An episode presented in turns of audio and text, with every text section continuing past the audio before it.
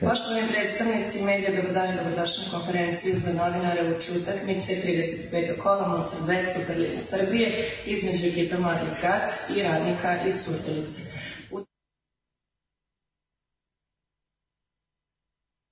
Dakle, gluposti, jednostavno ja bih možda u futbol u Srbiji pobedi. Jednostavno, ja sam, ja kažem, jako težak do svega toga, nismo stigli da pričamo tu temu. I onda vidiš uh, neke stvari koje se dešavaju, da neki ljudi koriste uh, za velike tragedije koje se desi. A ta dva momka od Storara, taj momak iz Beograda, taj klinac, on te zaslužuje dođe od robije. A ovaj drifac iz Mladinac, on zaslužuje, ja bi ovo smo tu kazao kao klinac. I onda sad mi, ja sad pričam nešto više o futbolu, nije ni vreme, ni mesto da ja se se žalim, da kukam, nego prosto izvini savršeš tim, tim, tim porodicama, tim majka, tim očima, jer ja sam ne da sam te poneo, ne da Bože, ne znam šta bi radio, kako bi ja to sve podneo. I onda kad mi da neki ljudi izađu posle ulicu i onda i treba da izađu ulicu da, da, da, da pokažu ljubav prema našoj deci, prema našim porodicama.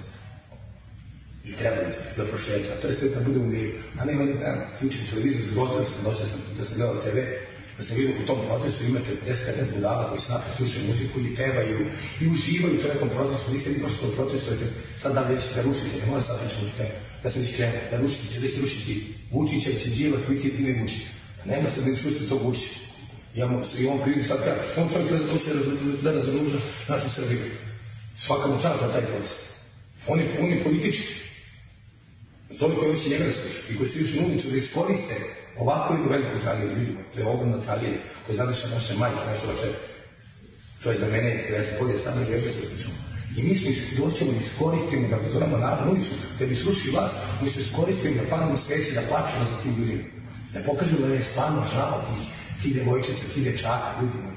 Mi smo izašli na ulicu, ja se gradim toga da većina izašla možda, većina koja izašla, ja znam su izašli da, da, da, da, da, da pokažu ljubav prema deci, prema porodici. A ovi jedan deo, 20% njih, koji me sluše ovu vlast, ili mene ne zanima ko će biti vlast. Ali ono da vam kažem, Vučić za vas mese.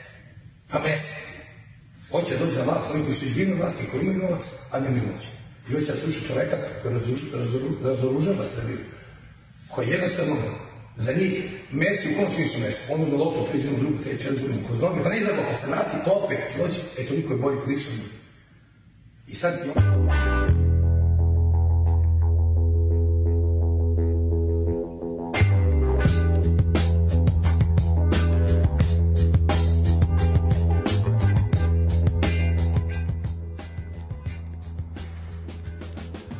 Dobro veče i dobrodošli 130. put u sportski pozdrav. Nešto iza 19 časova ponedeljak je uh, mogu reći poprilično uzbudljivo kako u studiju, tako i na superligaškim terenima. Uh, imamo uh, na vašu veliku želju i molbe sa nama je ponovo jedan jedini i neponovljivi čovek britkog glasa, a još lepšeg stasa, gospodin Janko Fejdi. Janko, dobrodošao ponovo. Drugi put među Srbima. Da, hvala, hvala još jednom na pozivu, ali u stvari ja sam sad saznao zašto si ti mene pozvao, a ne na poziv publike i pučanstva dragog nam koji uživa ovaj, da nas sluša, ne, ne mene naravno, nego vas trojicu, prethodnih 129 e, emisija koje ste ovaj, radili nego ja tu dolazim kao neka što bi se reklo rezerva prvi čovjek sa klupe i to ali hvala ti još jednom naravno. X faktor naš Solskjaer to to to to, to ovaj, hvala još jednom ovaj, na časti što, što ste me vas dvojica večeras pozvali i nadam se da ću imati nešto i ja pametno da kažem večeras. Prošli put si bio na zavidnom nivou, tako da ništa manje ne očekujem i sad. Sa nama je i Vuk, Vuk se vratio, ovaj, na, bilo je dosta ljudi, moram priznati, na, gonili su kad će Vuk da dođe, da pričamo o rukometu, mi prošli put nismo hteli da čačkamo temu rukometa ovaj, dok se ti ne vratiš, tako da Vuče... Čekali ste Čiču. Tako o, e, i tebi isto dobroveče i, i dobrodošao. Ovaj, malo si odmorio, malo vidim da si svež, raspoložen. Drago mi je. Svež kao ovo vreme, da. A šta se, zašto je novembar napolju? Šta se Harp, Harp, ljudi, ja vam kažem, Harp, Balkan info čuo. Nije pričao jedan čovek ko Teše Tešanovića, ali to ne sme, to skinula cija. Nemoj to puno, da. Ne. Ne, pazi, ovo vreme je dobro za futbol, znaš, engleski fazon. Šire se pluća, Da, da, da. ovo ono, zato toliko golova ima. Ja bih pre rekao neka škotska, ali dobro. Više je. A, Više škotska, onako, tako da, ali... Da, da, ovo je, ne, znaš sad, pošto su čelnici čelnici ovaj fudbalskog saveza bili u Unionu gde su izborili da dosta terena i stadiona dobije hibridnu ovaj podlogu. Ovo je najbolji pokazatelj da nam je to potrebno. Ovo je to. Definitivno, mislim, nažalost, izgled naših e, terena Evo sad sam gledao emisiju, inače pre neki dan je bila emisija o legendarnom napadaču iz one m, SR e, Jugoslavije, Dejan Osmanoviću, legendarnom da, tatku da. na futbal ove, iz Vranja koji je legenda futbolskog kluba Hajduka iz Kule i onda sam gledao na šta liči taj stadion u Kuli, a naročito travnjak i sećam se tog travnjaka, to je bio jedan od najgrđih travnjaka što bi se reklo u, A tu je blata bilo do leđa. Da, ali bukvalno, znači tamo ne daj Bože, ono mali onako provala oblaka ili naj, mislim da je grđe još bilo zimi zimi kada padne sneg, naravno to se ne očisti kako treba, to je blato, ma kaki to zagazite ono kopačkom gotovo, kopačka ostaje u blatu i to je to igrate u ono u, u čarapama i tako da ako imate vremena pogledajte, nađite na YouTube emisija Oko, po, poslušajte, baš mi je bilo drago što sam video tog A čovjeka. Gorislav? E, da? Go, ko je radio? E, Nije Gorislav radio je momak, ja nisam ni znao da je on inače iz Kula, ovaj njegov kolega što radi te, ove, On je s bradom isto, je li? Da, da, da, on ide po, inače po tim terenima vezano za emisiju Oko i stvarno mi je bilo drago, ove, tako da ako imate vremena pola sata je uživaćete zaista. Inače, ono što je isto simpatično vezano za, za Osmanovića, on je trenutno član uprave i trener jedinog romskog futbolskog kluba u Srbiji, to je futbolski klub Radnički iz Vranja, tako da je super priča oko njega, tako da ako imate vremena, eto, topla preporuka da pogledate. A eto, da. E, Stigla je odmah poruka, ovaj, i vi naravno svi možete da šaljete poruke i da ovaj s nama učestvujete zajedno u emisiji. Odmah je stigla, kaže, kao verni slušalac, glasam za to da Janko da Janko bude uh, stalan gost, odnosno da bude, da ne kažem domaćin, ovaj, pa mi bi to rado, ali od nečeg mora da se živi, tako da, nažalost, ali dobro, dok je tu ćemo ga iskoristiti. E, ovo za Ljulja, brate moj dragi, nisam uspeo da konvertujem, ali biće, ako ne, ne uspem u toku emisije da pustim Ljulja, pustit ću ovaj, naredni put, ali biće, imam, uh, došli smo do tog stadijuma i to mi se jako sviđa. Sad nam ljudi šalju ono razne, da ne kažem gluposti, ovaj, ne, dobre stvari, pod neke ću pustiti. Ovaj za danas šta sam pripremio, onda imamo masu ono stvari poput ovih izjava, poput još nekih ovaj puštanja glasova videćete u programu tako da na tome zaista hvala ovaj i pogotovo ovaj slušalac je izuzetno ovaj na tome aktivan tako da tu se zahvaljujem. Što se tiče broja telefona 065 šestica 3 jedinice 073 svi koji slušate ovaj možete da učestvujete da komentarišete. Pratićemo i šta se dešava na superligaškim terenima. Trenutno su tri jako bitna okršaja u toku u, borbe za gol i život i upravo je pao gol ovaj na utakmici koja je do malo pre jedina bila sa pogodcima, a to je duel u Nišu gde se igra 54. minut i Javor je upravo iz penala a, Luka Gojković bio strelac izjednačio na 2-2 radnički je vodio na poluvremenu sa 2 sa 2-1 slobodno se radu Janko je u programu e, što se tiče druge utakmice to je duel u Surdulici između jedinog kluba koji Lalat nije vodio i Mladostin Gat ali definitivno jedino kluba koga Nenad Lalatović nije vodio, ove, inače loš rezultat za Novosađane trenutno. Da, 1-0 je ovaj Makarić je postigao pogodak eto posle duže vremena. Inače Makarić dete naše Novosadsko. Ove i žao mi je što nije napravio veću karijeru. Dobar je momak i žao mi je, ali eto nekako se snašao dole u u Surdulici, to je nekako sredina koja je njega prihvatila i vidim da igra dosta dobro i lepo Da. igra, daje te ove pogodke, ima uglavnom mislim da kad god je igrao dole da je imao sezonu ne manje od 10 golova, tako da Da, s tim da je sad došao, ovaj potpuno van forme bio kad je došao, ali je on uhvatio ritam brzo, Slavoljub ga je ovaj lepo lepo sredio. Uh, to je eto da, znači radnik odbiti Gata sa 1:0 i jedina utakmica bez golova, to je duel u Subotici između Spartaka i Lučana. Neki zli jezici će reći da na ove dve utakmice, a to je utakmica između radničkog iz Niša i Javora i Spartaka i Mladosti, ga, a, Mladosti Lučani, da tu X odgovara svima. Ovaj tako da zli jezici, ali ajde pričat ćemo, pričat ćemo tome. Možemo kratko ovaj, samo pogledati šta se sad tu dešava u slučaju ovih rezultata, pošto je taj play out poprilično ovako zakomplikovan, može se reći. Ovaj, I sad mislim da je jedino pa da li su pitanje Kolubara i napredak su ja mislim jedini sigurni mada ni oni nisu 100% ali verujem da je tako uh, ovako znači trenutno sa ovim rezultatima ispod crte odnosno od direktno ispadaju u prvu ligu Srbije e, GAT kao poslednje plasirani Spartak je na 33 boda i tu definitivno mislim da ne postoji šansa da i GAT pretekne 33 imaju i Surdulica kao i e, Lučani sa 33 će biti i Radnički iz Niša koji će biti za crtu iznad odnosno za mesto iznad crte koja vodi u baraž i na 11. mestu će biti Javor sa 35 kao potpuno potpuno siguran. E sad, uh, ima još da se igra i gore će do posljednjeg kola, tu u posljednjem kolu će se odlučivati, ali ako ovi X-evi ovako ostanu, bojim se da je GAT gotovo siguran putnik u Tu, tu bih se složio sa tobom, ovaj, da. da nažalost mladost nakon ovaj, samo jedne i to premijerne sezone u Superligi će se vratiti ovaj, u prvu ligu Srbije. E sad je samo pitanje e, šta će biti sa klubom, ovaj, zato što definitivno ono, ono što mene tu buni jeste ta situacija i sa stadionima i to videli smo, stigla informacija da ekipa Čukaričkog će definitivno da. narednu sezonu igrati u Loznici. Loznici, da. Igraće, bi će domaćin u Loznici. Njihov e sad... stadion se renovira, a rečeno je da je IMT kad je predložio licencu su predložili da će igrati na stadionu Čukaričkog. Sa kako će IMT igrati na stadionu Čukaričkog ako će ovaj da se renovira? Malo je tu sad naš. Ove, malo je ono, ono što je tu, ali, e, sad je tu takođe isto veliko pitanje. Da li to znači e, fuzija između futbolskog kluba Čukaričkog i futbolskog kluba Loznica? Ili da li taj stadion u Loznici može da iznese i još jedan klub koji bi igrao Superligu. E, to je sada to je pitanje, pitanje to je da. sada veliko pitanje i da li će se ići na tu neku priču da se e, ovaj mladost ili kako god da se neko upakuje da se napuni taj stadion da li u, u Loznici Leskovac. za neko duže vreme ili da se ode ili da se ode dole u Leskovac ili da se ode u, u neka, u neka priča je, se pojavila, to smo Nikola i ja prošli put komentarisali, da postoji mogućnost da se Gac spoji sa, Dubo, sa Dubočicom ili Dubočicom, kako kome draže. Da, da, zavisi odakle. Pa, nisu bre iz Leskovac, Dubočica, bate.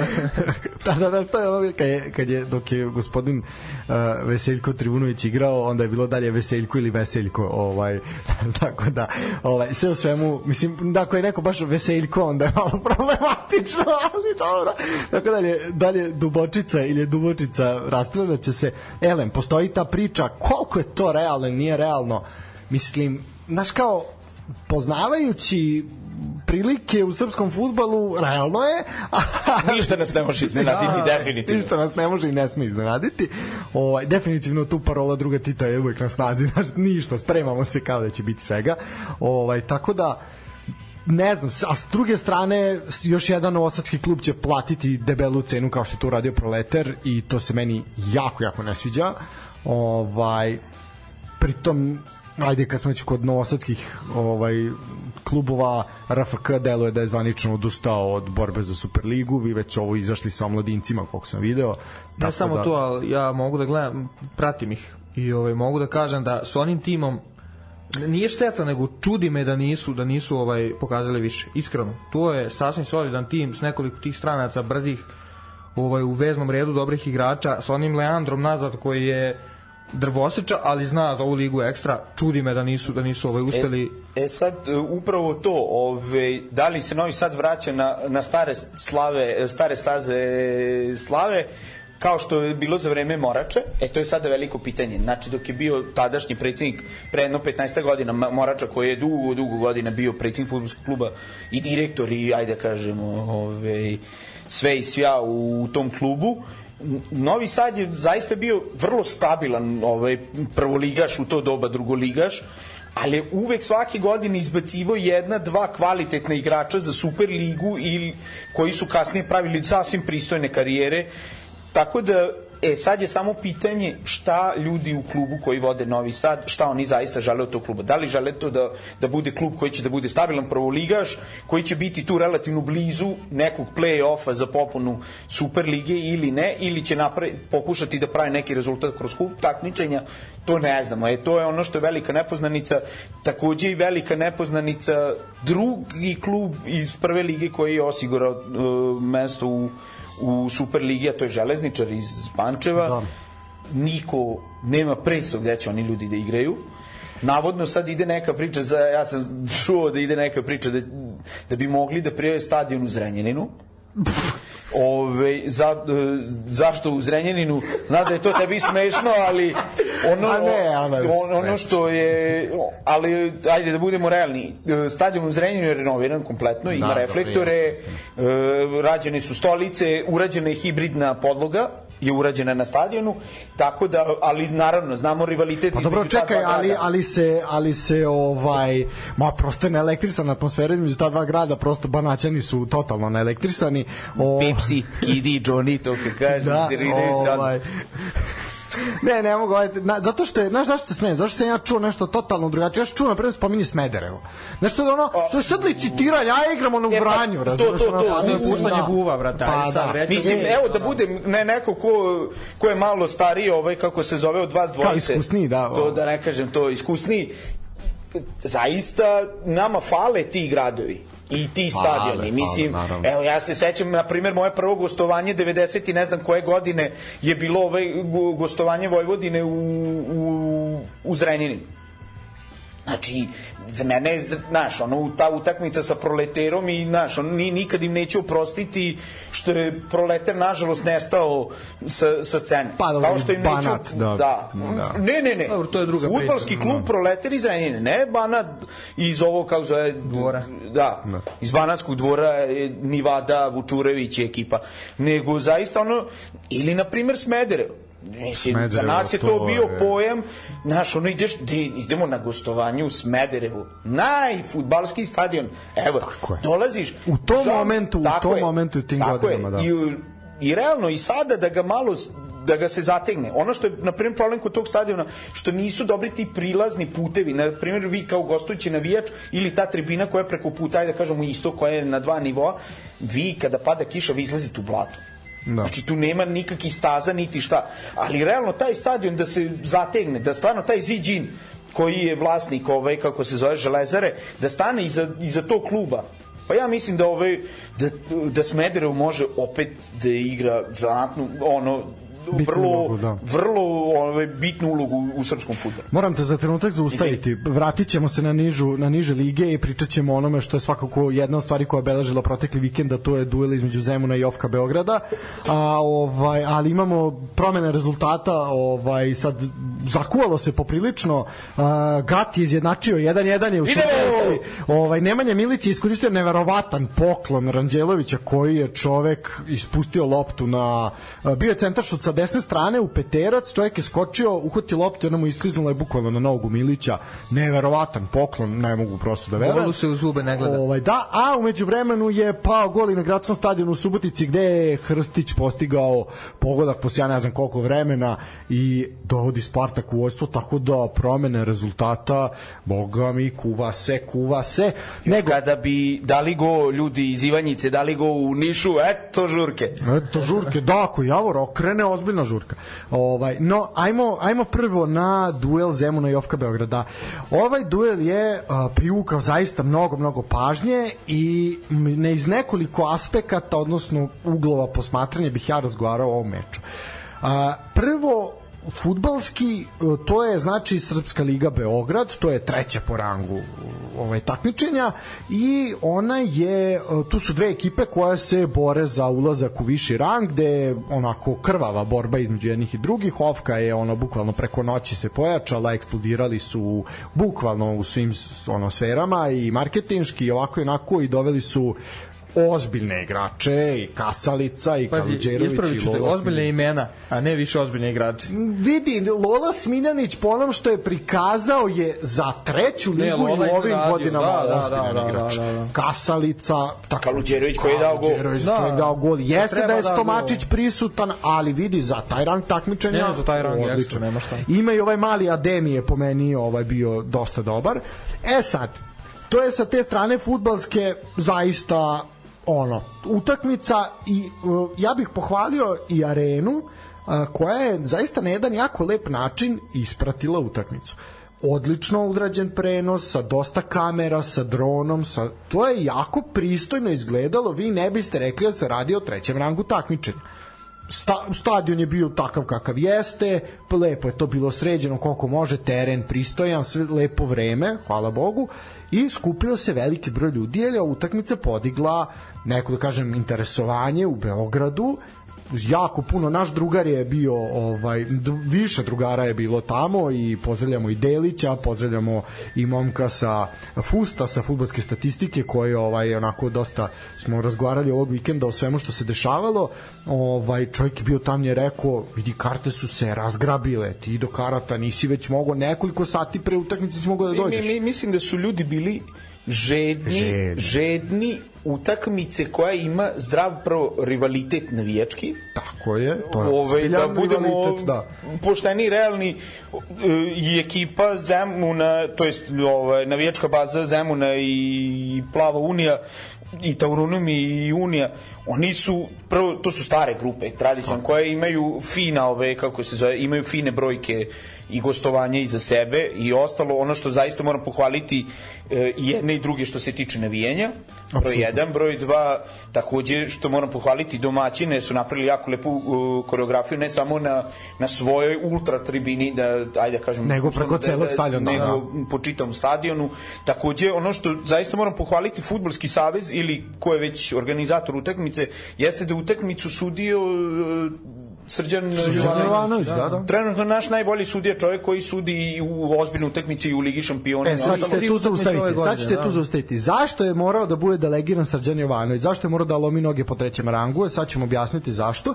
Zato što se digla, e, ko što se diglo interesovanje, tako se digla i tenzija i diglo se prepucavanje vi ste, e, vi ste njihovi, mi smo njihovi, mi nismo ničiji, a, vas gura ovaj, vas ne, nas ne gura niko, mi smo protiv svih, sami protiv svih, a nije onaj kviz ovaj, u pitanju i tu se dosta, dosta, dosta prozivanja je bilo, dosta ovaj spominjanja na primer jednog ekonomskog maga o kom ćemo nešto kasnije pričati doktora Zvezdana Terzića ovaj koji je onako baš dosta dosta mu je spominjana familija tokom cijele utakmice.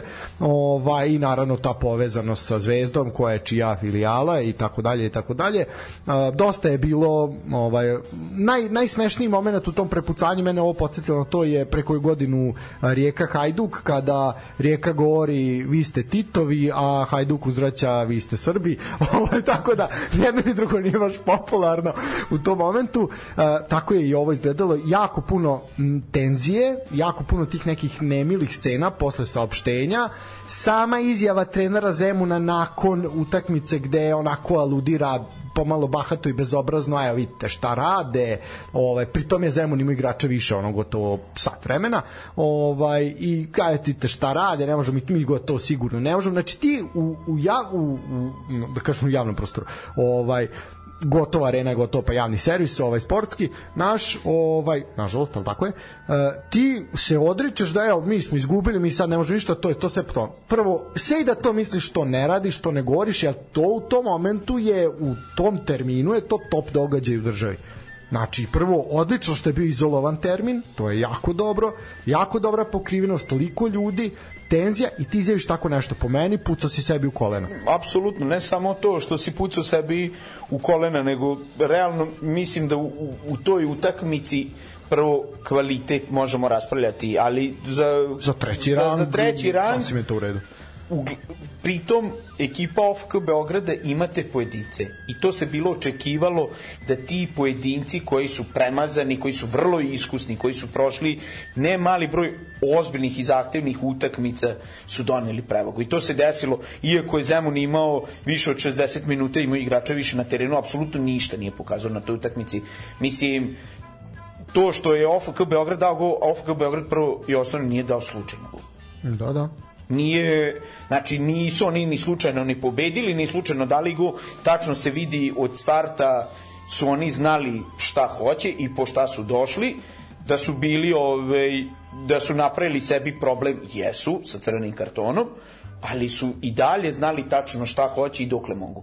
I to im se isplatilo. To što ekipa Zemuna jednostavno nije imala ja nisam video da su oni imali poštenu neku šansu pa da kažeš da, da žale ili da je bila neka čudna situacija pritom da budemo realni Srđan Jovanović e, ne bi stavljao svoj autoritet Tako je. i, i, i svoje neko ove što bi se reklo ime koje ima ne u Srbiji Da, nego u, u UEFA-i i vidim da ima neko poverenje koje mu UEFA ukazuje ako vodi ozbiljnu utakmicu u Ligi šampiona. Ne verujem da bi on stavljao svoj autoritet i svoje ime za neke čudne tako stvari. Da ono, ako su bile realne, Pogot- ali nisu pogotovo u bile. treće- trećem tako je, rangu. pogotovo u utakmici trećeg ranga. Ono što je isto takođe tu bilo zanimljivo, stvarno nije bilo momenata da, da je ekipa Zemuna realno mogla da traži nešto da se de, nije se desilo, nije bila ni neki ni offside da je bio, nije bio takođe e, tako da žao mi je, ali ono Zemunci ništa. Nadam se da ćete ove, u ove naredne dve utakmice što vam je ostalo da vi pobedite, ovi možda se okliznu pa pa ipak vi odete u, u prvu ligu, ono da nam fali takvih utakmica.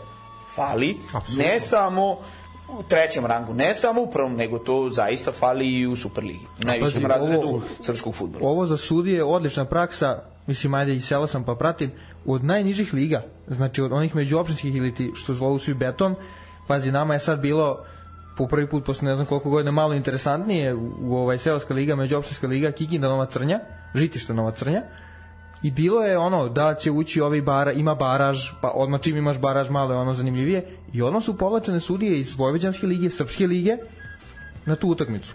Odlični, po- pazi, odlični potezi. Nije to bilo sad i normalno e, možda se možda napravi paralela s tim. Neće taj sudija iz Srpske lige koji može da napreduje prvu super dalje, da stavlja svoj obraz, da stavlja autoritet, sudiće kako treba, sudi 2, 3, 4 ranga više i sudiće dobro. I to je odlična praksa i svakako da treba tako i, i da se A radi. doći ćemo mi do suđenja. Ima jedan moment onako poprilično je bio bolan u toku prošle nedelje, ali dobro doći ćemo do toga. A, pre nego što se bacimo na ovo, evo pada golovi, padaju golovi i to u Nišu. A, radnički vode protiv Javora s 3-2. Radnički postigao pogodak 73. minut je u toku. A, da, mislim, zakuvalo se poprilično. Ovaj, čekamo da se multiprenos koji mi pratimo ovaj, ovde sad prebaci na Niš. Evo ga Niš i slavi pogodak da vidimo. Da, da, samo da, da ovaj Škrbić, Škrbić je postigao pogodak, tako da eto dečko koji zaista ove sezone ima onako turbulentan je bio potpuno ovaj može se reći zasluženo 73. minut da vidimo može li Ivanjica ponovo do izjednačenja e sad spomenuo sam ekonomskog maga ovaj doktor Zedana Terzića zato je Janko kao neku ko ovaj rekreativno prati ekonomska dešavanja ovaj širom Bloomberg, Bloomberg se prati. ovaj, e, Agencija za privredne registre iznala je podatke o dugu večitih rivala, pa ćemo mi to kratko prokomentarisati. E, ovako, posle, prvo, nedavno je predsednik Republike ovaj, imao tu izjavu da su se dugovi smanjili, da eto, duguju po milion, ne znam šta je to nešto, neke sulude brojke su bile, suludo male brojke, da bi APR onda, ovaj, APR ovih dana baš onako zavodi Ne, mislim, izvini, mislim da je predsjednik rekao da je Zvezda rešila dug. Dobro. E, ta, kako je rešila? Tako što je firma koja je nešto Otpisala tipa dug. ta, e, ne ne ne. Sveže napravljena ne ne ne. Sveže napravljena firma sa tipa da li jednim ili nula zaposlenih dala pozajmicu futbolskom klubu Crvena zvezda na 10 miliona eura. I onda je navodno futbalski klub Crvena zvezda rešila taj porezki dug koji koji je navodno tada postojao. Mi ne znamo koji je to porezni dug, mi u stvari znamo da je to dug koji je Zvezda morala da plati da bi dobila licencu za takmičenje u, Ev- u Evrokupu. Tako je. E sad ovako, to je ono što je rečeno. E, Da bi izašlo to juče, sam ja primetio u nekim čak kasnim večernjim, večernjim časovima, e, 75 miliona i 909 hiljada eura je dug Crvene zvezde. Nemoguće. Da. Ne mogu, to je prosto nemoguće. Gospodine Terziću, ovaj, kako to se pusne prstima pa se 2386% duga izbriše?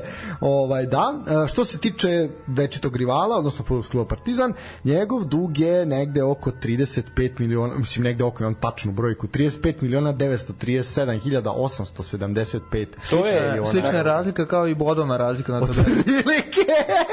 Ne, ne, ne samo to, ali ajde, okej. Okay. Dobar. Ali to je cifra od preko 100 da ne kažem 110 miliona evra. 110, 110 Pritom, pazi, ovo je bez kamata. bez kamata. Znači, sa kamatom za ti to 110 još po- milion, za Dobro. 110 miliona eura vi možete da uradite, na primer, klinički centar novi, da li u Novom Sadu, da li u Kragovicu, da li u Nišu. Možete da uradite, na primer, tri bolnice na teritoriji Banata. Možete da uradite ove, e, možete da rešite kompletnu, e, kompletan problem vodosnabdevanja građana i građanki na teritoriji Vojvodine. Da ne kažem zrenjeni. Da, a da ne pričamo o Zrenjaninu. Ove, ono što je tu meni najporaznije od svega što mi imamo tog ekonomskog maga i Nobelovca koji prodaje nažalost maglu ono što je meni dalje ono neverovatno Zvezda je igrala Evropu, imala je pun stadion, ima ovo im... meni i dalje ne pije vodu Kako? Kako? Znači, kako vi ljudi imate, znači, ja ne mislim da se taj dug napravio za poslednjih 12 meseci. Taj dug postoji To je jako... priča o dugu se aktivirala u periodu Vladana Lukića.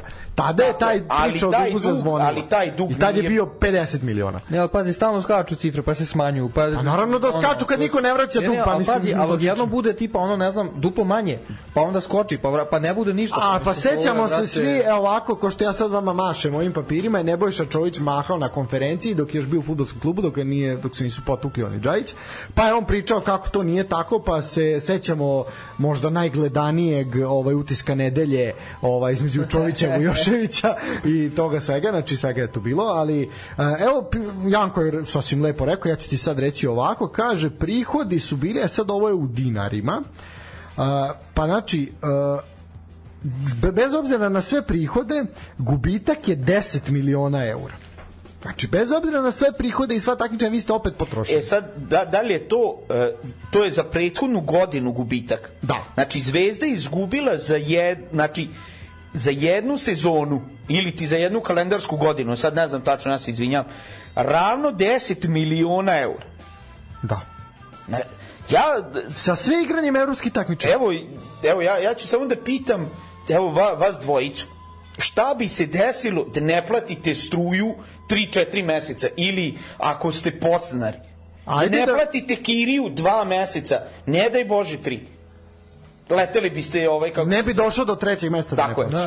Da, E, o tome se radi. Ja razumem da su ovaj naravno sad će se javiti navijači i Crvene zvezde i Partizana da, ali mi imamo pokriće. Nemate pokriće. To te priče Zvezda je brend, Partizan je brend. Prvo, ni Partizan ni Zvezda nemaju vlasništvu skoro ništa. Partizan ima sportski centar Teleoptik, stadion Crvene zvezde koliko ja znam, mislim da nije u vlasništvu fudbalskog kluba Crvena zvezda, nego da je dat na korišćenje fudbalskom klubu Crvena zvezda Od strane? od strane Skupštine grada Beograda ili tako nešto. A zar nije stadion je Partizana, koliko ja znam, je u vlasništvu sportskog društva, Jugosloven, jugoslovenskog sportskog društva još uvek. na korišćenje. Ne, zvanično je bio sud, to je još dok je profesor Vuletić bio u, uh, u upravi, da, u klubu i ja mislim da je taj spor rešen. Uh, to je bilo za vreme Šutanovca, Šutanovac je nešto pokušavao da oduzme, ovaj, ali vojska je koliko ja znam, to je, to je taj neki spin koji se stalno vrti, da je stadion izvanično u vlasništvu Jugoslovenskog sportskog društva Partizan. Ne futbalskog kluba, nego Jugoslovenskog sportskog društva Partizan. A futbalski klub kao i sve ostale sekcije sportskog društva imaju pravo korišćenja. E sad, pošto futbalski klub je istupio iz A sportskog e, onda društva... može sad- biti da je onda isto to rešeno i za zvezdu. Ja mislim da su zapravo Zvezda i Partizan jedini koji su vlasnici svog stadiona, da su i TSC sad, ali da su ovo sve uh, gradski. Da, Znam, a u stadion- Novom Sadu znaš i ti sta, da sta, je stadion u Novom grada. Sadu je vlasništvo grada i dat na korišćenje fudbalskom klubu Vojvodine. Tako je. E sad što se tiče kluba iz Humske ulice, da ne bude da smo sad oplivali samo ove, e, klub iz Humske ulice posluje takođe sa gubitkom u 2022. godini i njihov gubitak iznosi milion i 380 hiljada eura. Što se tiče za 2021. njegov e, gubitak je e, daleko manji jer je e, on, sad da su neke milijarde u dinarima. Da, ali mislim, pritom to, Partizan, da, evo, da da sad e, da, da usporedimo. Zvezda je igrala e, kvalifikacije za Ligu šampiona, imala je pun stadion protiv Makabija, igrala je utakmice u Ligi Evrope gde je imala i takođe finu posetu. Ok, ja znam da su tu, da ne živiš ti od četiri utakmice koje igraš u Evropi, to je meni apsolutno jasno. Ali meni neverovatno da, da Znači, ispada da budžet futbolskog kluba Crvena zvezda je najmanje 10 puta veći od prvog sledećeg rivala, a to je Partizan. Apsolutno. Znači, to nema spora. onda, onda mi treba stvarno da se ono zapitamo, u stvari ne treba da se zapitamo zašto Zvezda ima 20 i nešto bodova više, to je broj 1, i broj 2, to je pitanje šta je to, šta to donosi futbolskoj Srbiji ili ti reprezentaciji jer ja nisam video sem ta dva igrača mlađa što su Stefan Mitrović i Strahinja Mhm. Eraković to su pritom ta dva igrača nisu nosioci igre u Crvenoj zvezdi Tako je. takođe nisu igrači o kojih se otima čitava Evropa. Vi imate, na primer, e, ekipu Hajduka iz Splita, gde imaju onog malog Vukušića, e, koga su prodali za 10,5 miliona eura. Znači, Misliš ja... Vuškovića? Vuškovića, ja se izvinjam. Sinjski Ove- dijamant je ostao u e, sećanju, da. Ove, Vušković, man. O, ove, i oni su ga prodali za 10,5 miliona. Ja mislim da je poslednja prodaja bila takva da li Fića Stevanović. Jeste. Čekaj, Stevanović, Gru, tako. Grujić Ali- otišao isto za neko onako tipa 8 miliona. Ali poslednja. Poslednja. Aha, Aha, aha, Stevanović je bio poslednji. Ali, evo, ali ne, Zvezda, da budemo realni, Zvezda ne može u ovom trenutku da proda ni jednog igrača za više od pet. Nema. Nažalost. A Nažalost. Zvezda je prinuđena, to smo Nikola i ja prošli put pričali, Zvezda je prinuđena i tekako da uh, osvežava kadar, i pričali smo i ti i ja kad smo bili, ovaj, kad si bio tu, oni će imati ozbiljnih problema. Pazi, ali na, evo, samo zapamtite moje reči, znači sad zapamtite 70, pe, 76 miliona, a plus imate kamate, i dobit će 25 miliona dobijaju otprilike od UEFA za ligu šampiona, verujte da će na kraju sledeće Sto. godine kad bude, bit će stotka. Da, Biće sto. Biće stotka. Tu nema mi šta Ne, da pričam. pazi, tu je toliko nelogičnosti, dugovi ovo ono, a stalno strani igrači i stal, znači već ono, već pet su doveli koji će tek doći, pa, Pa, evo dolazi ovaj... najbolji primer, Brate, gde najbolji logika? da li je to bi da li je Sve to na bio onaj Falcinelli Da. ili koji igrač je bio Zvezda je njega da li je bila cifra 2 miliona je njega platila. Došao je iz druge, iz serije B. Da, da. nije to tema. Tema je da je to bilo da treba da ga plate u dve rate ili u tri Pa rate. su uplate na račun. Tako je. Da, da. I šta se desilo? Nisu uplatili. I neko je rekao Terziću, treba da se plati, on je rekao, ma ako niko ne zove, šta ću ti? I šta se desilo? Da su valjda trebali još 600.000 da plate, oni nisu platili tu ratu od 600.000, gde ih je taj klub, sad da li je to Leće ili koji je već to bio klub, ja se da zaista Leće, mislim da Leće. da. ja, ja, ja se više ni ne sjećam. Ove, da, su ga, da su tužili Zvezdu Zvezda je morala da naravno plati tih 600 ali je Zvezda pritom imala da plati i, i, i penale i kamate i ne znam da je to ispalo na kraju neki milion. I niko ne odgovara za to. Ni, apsolutno niko A pritom ima i onaj moment uplate od transfera gde Idu su, na privatne račune. Idu na privatne račune po ovaj da raznim evropskim državama i desama evropskim. da, dragi slušalci koji ovaj koji navijaju za Zvezdu, nemamo mi zaista ništa, ništa protiv protiv, naravno, za, protiv Zvezde. Zvezda je veliki klub jedini uz TU iz ovog dela sveta koji je bio ovaj bio prvak Evrope naravno imaš veliku tradiciju imaš veliku bazu navijača i sve to To je Ali ljudi- najpraćeniji klub u Tako je. Srbiji, može da se ljuti ko kako hoće čovjek. ali je ono što moramo biti navijača. zaista zaista moramo biti realni poslovanje. taj čovek koji je po meni najmanje Nobelovac iz ekonomije za to njegovo znanje i to tu mađiju koju on čovek prodaje, ja ne znam. Ja stvarno mislim da prvo i osnovno navijači Crvene zvezde to treba da reši da tog čoveka otere jer će zvezda na kraju imati jako ozbiljan problem da servisira te ta dugovanja koja, koja čekaju novu upravu Zvezde koja će naslediti danas sutra Zvezdana Terzića. To je, to ko ne razume, zaista ima problem sa... u nekom, u nekom momentu će doći to sve na naplatu i onda će biti ozbiljan problem. Onda će biti ozbiljan problem i onda će opet biti ova priča nismo imali ni za šampone. E, I ne treba da imaju za šampone. I ne treba da imate za šampone ako nešto ne plaćate.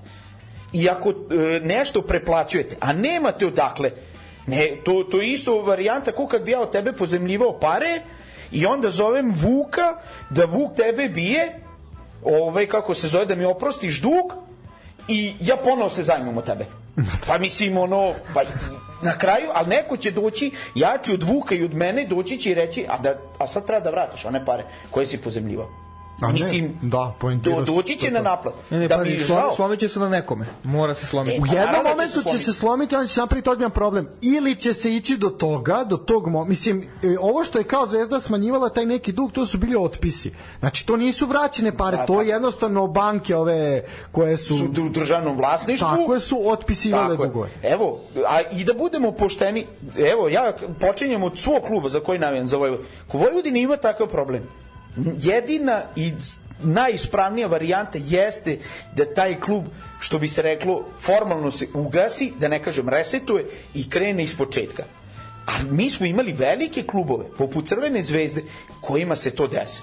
Imali smo jedan Rangers koji ima daleko veću navijačku bazu I šta se I desilo? šta se desilo? Jesu krenuli iz najnižeg Jesu. tak, Jesu osvojili titulu? Jesu. I, I svima je Igrali bilo Evropu? drago. Jesu, eto ih u Ligi šampiona. Je se to desilo jednom Ferenc Varošu Jeste, desilo se. Takođe veliki klub, ajde da kažemo, ono, u, u Mađarskoj najpopularniji klub, u pritom ogroman broj kao što navijača e, pripadnika ono e, srpskog naroda navija za zvezdu koji ne žive u Srbiji tako i veliki broj Mađara koji ne žive u Mađarskoj navija za ekipu Ferenc Pa mađarska manjina u Srbiji većinski navija za Ferenc Varoš. imam ovaj imamo primjera takvih koliko god želite. Samo izvini, Janko Tubasić ponovo strelac za Spartak 2-0 je u Subotici. Spartak, boga mi... Ime moje u poslednjih 3-4 kola Boga prva dva gola što bi se reklo za Spartak u 156 utakmica. Ne, ne, super, odlično. I Odlična duga lopta, kako, kako spuštanje glavom. Ala, Žigić i Jovanović za svetskom prvenstvu protiv Nemačke 2010 otprilike tako sjajna reakcija, ovaj sjajna reakcija Janka Tubasića 2:0 u Subotici. Boga mi bliži se kraj ovih utakmica. Uh, mi se poentirali što se tiče duga, e, stigla je samo poruka da kažemo u pitanju su bili Falko, Federico Falko iz Leća, dobro smo to rekli, i Aleksa Terzić u Fiorentinu, to nismo mogli da se setimo, ali to je sasvim sasvim isto u redu. Uh, Elem, ajmo dalje. Uh, što se tiče uh, da završimo priču o prvoligaškom odnosno niželigaškom fudbalu pala priča na tri slova znači uh, imamo jednog sigurnog učesnika baraža za popunu Superlige Srbije u pitanju je ovaj grafičar koji eto isto ne zna gde će igrati i verujte mi očekujte da grafičar ne pobedi u baražu mislim da je to Ali ja poprično mislim da, da budemo realni. Da li bi smeli zato što su To, to, upravo to, to da. je veliko, To je veliko pitanje, da, da. To je veliko pitanje, to niko ne priča o tome, ali uh, pošto je naš fudbalski savez doneo pravilo da nema prodaje mesta u, za viši rang, isto tako mislim da grafičar neće zvanično odustati, nego da će biti jednostavno poraženi. Ovaj, tako da to, eto, to je mali kladioničarski savjet od nas. E, što se tiče drugog kluba, e, gle čuda, baš radnički iz Sremske Mitrovice, mm, hm, dobro, ono čemu smo pričali, šta smo najavili da će se to desiti, e, oni su u najboljoj poziciji, jedinstvo e, iz Uba diše najviše tu za vrata, ali jedinstvo je katastrofalno poraženo poraženo, evo baš u prošlom kolu sad 4-3 od IMT-a su izgubili, IMT u kojem nije trebalo ni za šta, ali su izgubili. Uh, nisu jednostavno, ono, baš su, baš su stisnuli gaz do kraja da ih da izgaze, ne, neće ih pustiti. Uh, takođe tu i Indija, vidjet ćemo nešto mi deluje da Indija baš i nema aspiracija da, da uđe. Uh, vidjet ćemo, goreće, goreće i na Ubu, goreće ovaj, i Vrindija dočekuje grafičar, biće, biće, biće zaista, Ja mislim biće da zaista svega. Ja mislim da će tu biti na toj utakmici da će biti ili podela bodova ili ne bi se zaista iznenadio ako Indija pobedi lagano ekipu da. grafičara. Jedinstvo će na Ubu dočekati ekipu Radničkog Islamske Mitrovice. E, Isto je, e, tu, boga mi, će biti svega. E, tu će biti A, svega. ono što je- pitanje je, izvini, Da. pitanje je ko, ko će suditi tu utakmicu. Ono što imamo definitivno kao veliki problem, mi imamo e, ekipu koja se zove Jedinstvo sa Uba, stadion se zove Dragan Džajić, e, a pritom glavni u klubu je Nemanja Matić. Matić, da, koji je podržao koji je podržao Nemanju Vidića. Tako da će biti svega. Tako da će biti jako, jako simpatično pod znake navode A, simpatično. ono što je problem da ti od četiri kluba koje su ono prva četiri kluba u prvoj ligi Srbije sva četiri imaju problem sa stadionom Za IMT smo rekli, za da se ne ponavljamo, problem je problem je i grafičar, problem je železničar Pančevo, problem je i radnički i Sremski Mitrovice. Jedino tu prvi koji imaju stadion su jedinstvo, odnosno Indija. Ovaj, ovo je problem... Pazi, nemoj da zaboraviš ni RFK. A koji nema, koji pričali smo, mislim da je definitivno nema šanse tu više, ali da. opet pazi. I oni su, pa pazi, da. sjeti se ono jedno vreme je bilo ovaj kad su bili ozbiljni da će možda ući u taj baraž da su blizu postavlja se pitanje stadiona. Tako je. Mislim, šta sad, ostane mladost, e, ispod, nije važno, opet, opet je gužva, gužva na Karadžođu. Apsolutno. O, ne, ne, Karadžić ne, ne dolazi. Ne, Karadžić da, definitivno to- sad to mislim, mislim da je zaista Ka, suluda. je toliko izraubovan da je to užas. On, ono što mene zaista brine Jedino kome, izvini, jedino kome će u Novom Sadu prijati da ako Gati ispadne, to je, to je Karadžić. Da, da. I on, on, ono što je za, za, zaista sad veliko pitanje, Vojvodina definitivno će igrati Evropu, vrlo verovatno da će to biti Liga konferencije, ako se mi nadamo ovaj, da će to da bude Liga Evrope ili ćemo osvojiti kup, jel Evo, kup je gad, naš. gad završen. Jedan, Da, jedan. Gati jedan, jedan, jedan da. upravo, da. Ove, e, to znači da će prilično rano početi sa euro takmičenjima, što znači da nema vremena da se zameni kompleto novi travnjak, da se uradi na Karadžorđu. Znači mi već sada znamo da će stadion od druge polovine juna ili početkom jula već biti ove, zauzet. Još jedan klub tamo, to je već katastrofa. Da. E sad, uh, dobro, to je, tu da kažem, malo smo tu uh, rezimirali, što bi se reklo. Uh, kratko samo da iz, današnja izjava, ovaj, a to je samo moment, ne, Evo ga, FSS Unionu, kaže hibridni tereni za superligaše, kaže ovako, prvi, znači izjava Branislava Nedimovića, kaže da će Crvena zvezda prva dobiti teren sa, hibrid, jel, sa hibridnom podlogom, ovaj, da će to koštati nešto oko 500.000 evra, oni će to dobiti prvi zato što igri Ligu šampiona i to zaista je sasvim opravdano. Ovaj, e sad kaže, reč je o velikoj investiciji, bit će novca da se mnogo toga uradi, prioritet je Marakana zb- zbog a, Lige šampiona, a nakon nje će to biti tereni Spartaka i Subotice, Radničkog iz Niša, Napretka iz Kruševca, Novosadske Vojvodine. TSC ima takav teren, ali će dobiti podlogu za još jedan teren u, na akademiji i uh, Partizanov stadion kao i Čukarički nakon rekonstrukcije stadiona. Uh, stadion u Loznici, Leskovcu i Zaječaru kao i TSC Arena će u, od starta imati hibridni teren što je zaista sad već postaje postaje neki da kažemo minimum onako za neke ljudske uslove što se tiče igranja, a vidimo sve koliko taj hibridni teren znači u Topoli, koliko se tu kvalitetniji futbal igra, tako da hvala gospodu Bogu, iako nisam vernik, ovo nam treba. Ovaj, tako da ako ovo što je gospodin Nedimović rekao je istina, biće, biće lepo, biće lepo. E sad malo naša ova priča, dobit će Radički iz Niša, dobit će Spartak i Subotice, da li to Nedimović zna da će oni ostati u ligi? Pa mi, mi mislim da ne, mi mislim da je to uh, tema koja se zove uh, rešavanje infrastrukture, definitivno da, da zaostajemo, evo možemo pogledati Kumšiluk, E, može. Ove, možemo pogledati priča. Komšiluk, ove, Hrvatsku, gde evo ja neko ko ima neke gaj neke simpatije prema ove, Rijeci Sećam se, na primjer, Rijeka je poput Podgorice baš uvek bila ona kritičan, ona Kantrida legendarna, koliko god je ona bila legendarna, ali je bio krš teren, naročito kad krenu one njihove monsunske ono, kišurine i to. Sad igraju na Rujevici, jeste velika razlika, e, Kantrida je dole na moru, ovo je malo više u brdu, ajde da kažem uslovno da ima kao neke razlike, da, ne znam, ali da, da se vidi razlika da igraju na hibridnom terenu. vidi. Lipi moj razlika, kako nije? Pa jeste, razlika, razlika, ta, znam.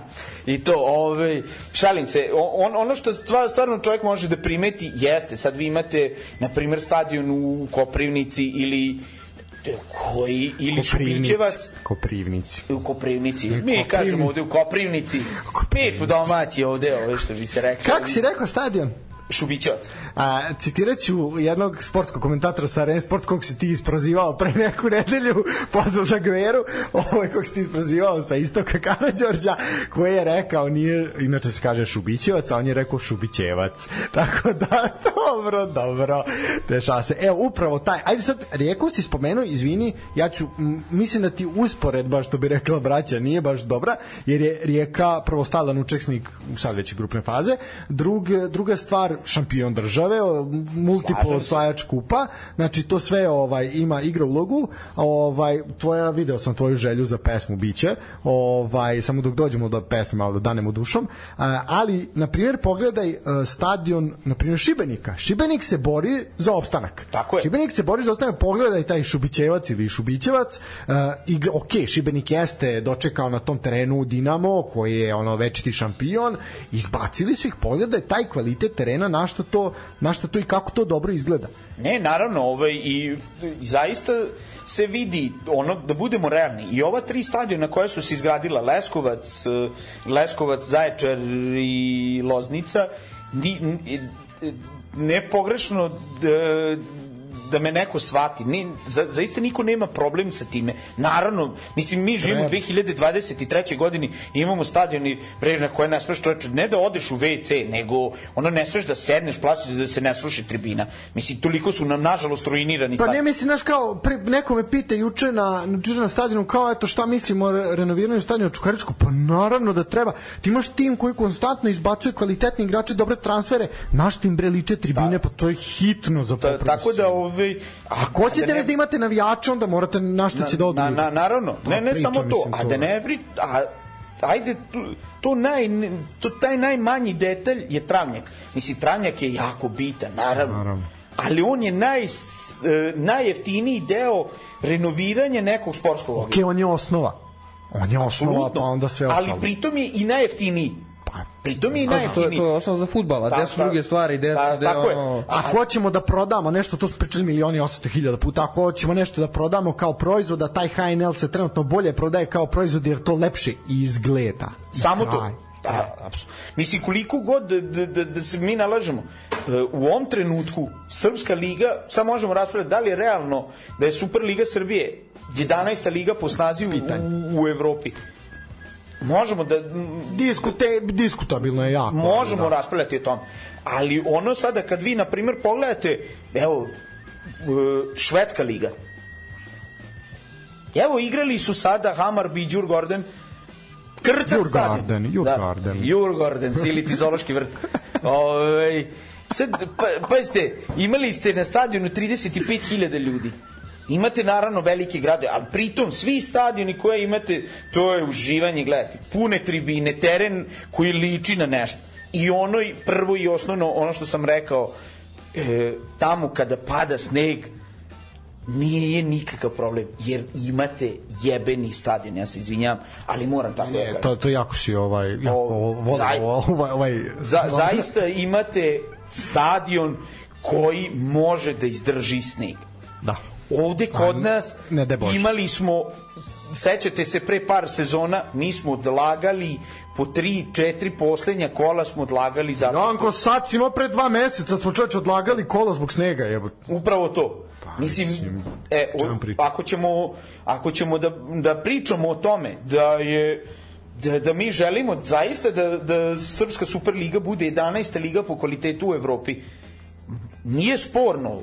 Momci koji igraju ovde znaju da igraju futbal, ali daj da im pružimo makar to osnovno, da imaju teren koji zaista može da bude pristojan, ne ultra spektakularan, nego pristojan teren gde oni mogu da pokažu svoje znanje. Apsolutno, da ne mora da se nabija, nego da se igra.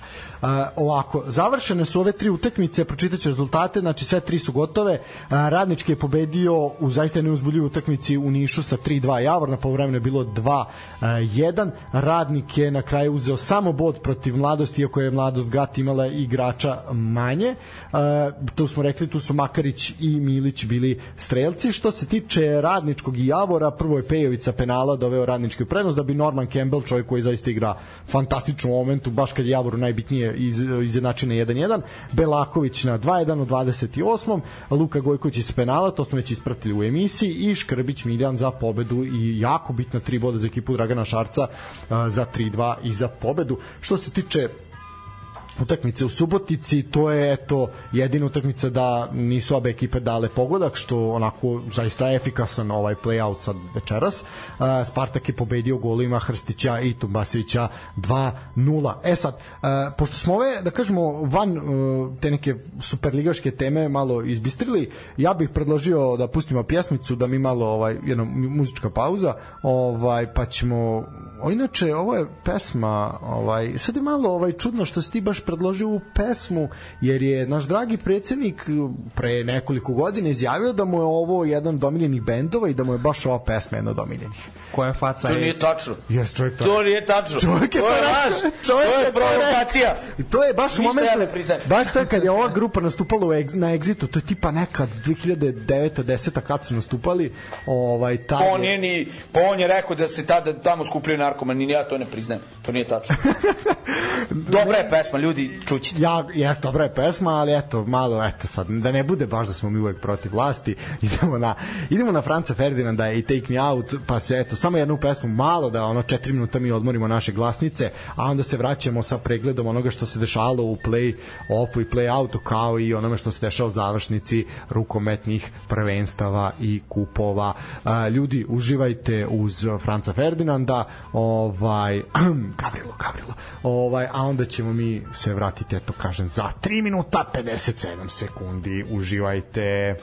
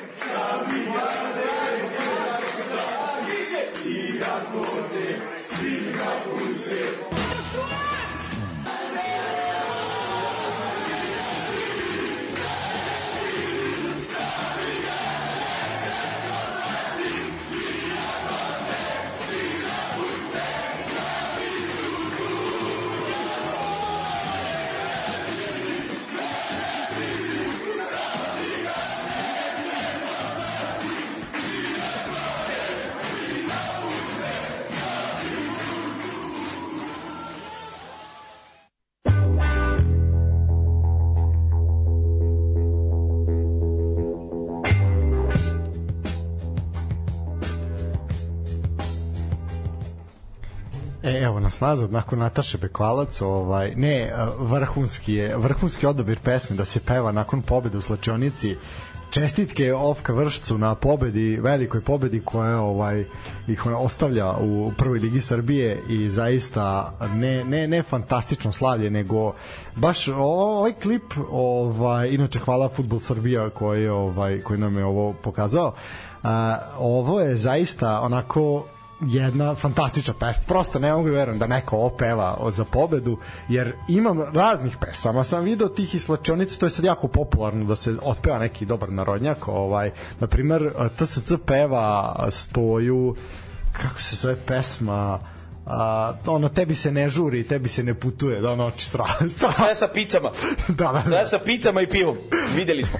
videli smo tako da ovaj da na primer metalac peva ti si bio zabluda moje mladosti tako mislim zaista ovaj vrhunski repertoar se zna čuti po slačenicama ali ova baš eto Nataša Bekvalac je nekako nama draga zato što je to naša sugrađanka ovaj ali dobro čestitam Ovka Vršcu i idemo dalje idemo na utakmice play offa e, prva utakmica Čukarički Novi Pazar. Može se reći da su, u što se tiče play-offa, očekivano favoriti slavili. Uh, Čukarički Novi Pazar uh, 4-0.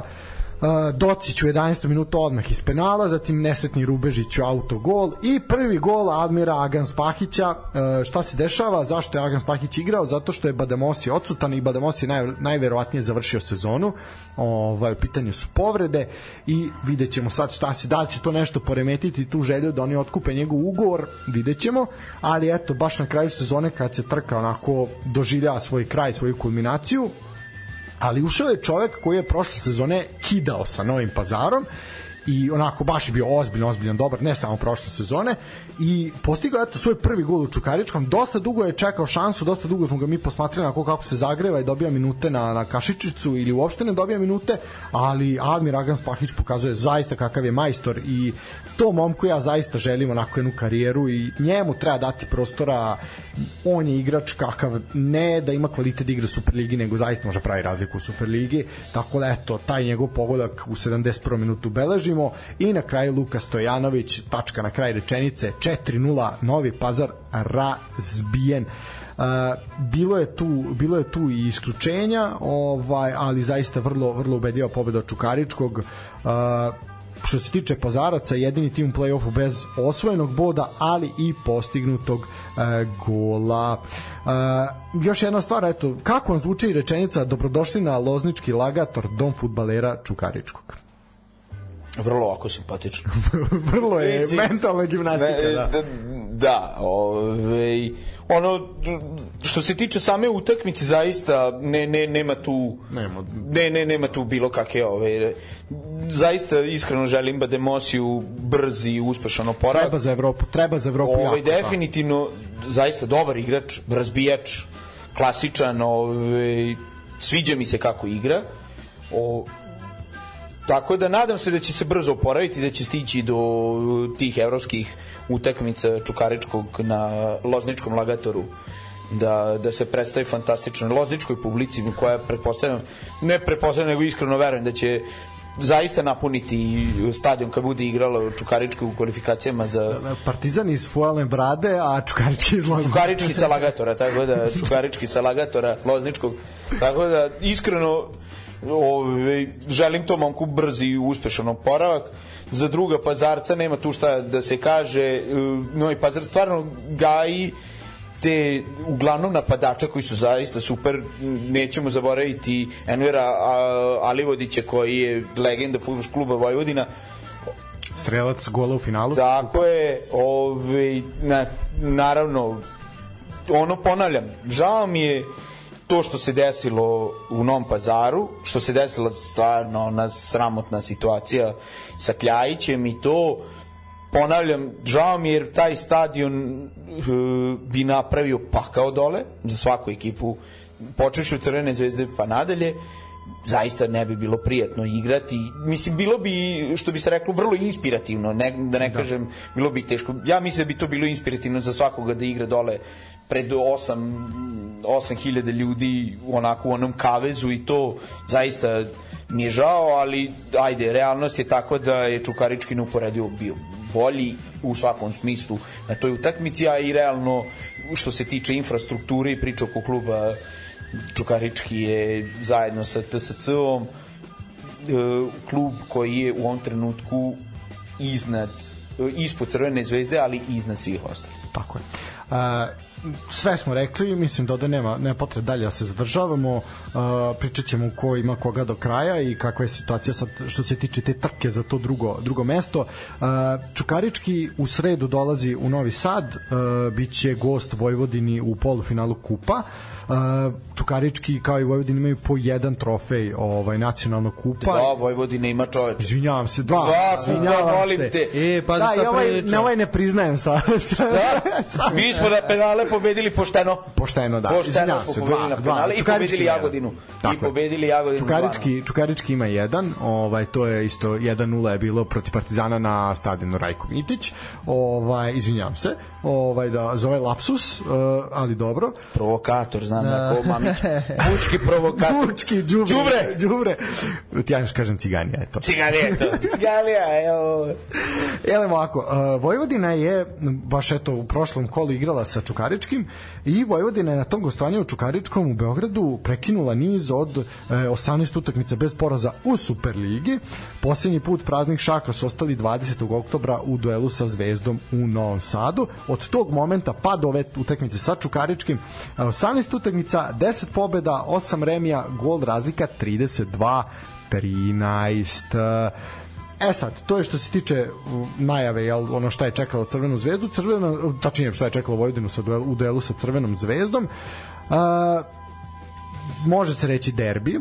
Ono što je negde obeležilo malo, skrenulo neku pažnju, to je ovaj moment na tribinama što se tiče gostujućih navijača, da su prvo kasnili, tu je bilo neki problema sa u dolasku, a, loše je ta veza Beograd Novi Sad zaista tu ne znam šta da kažem. Pa evo, da. mislim, ono, ono što jeste zaista sad već dugi niz godina zaista Da, problem pa da, vi, neka da, navika, da, da, rutina. da, ne kažem tradicije da vi idete na gostovanje u Beograd 4,5 sata. Mislim, da. da budemo realni, to je zaista sad već sramotno da ako već hoćemo da imamo futbal, pritom e, Vojvodina koliko god je pod znake navoda manji klub i od Zvezde i od Partizana ima neku bazu koja nije mala broj 1, broj 2 to smo pokazali više puta i naročito kad smo igrali finala kupa ovaj, u Beogradu da je dolazilo, čak e, smo imali finale kupa gde je skoro 11.000 ljudi došlo iz Novog Sada, što nije malo.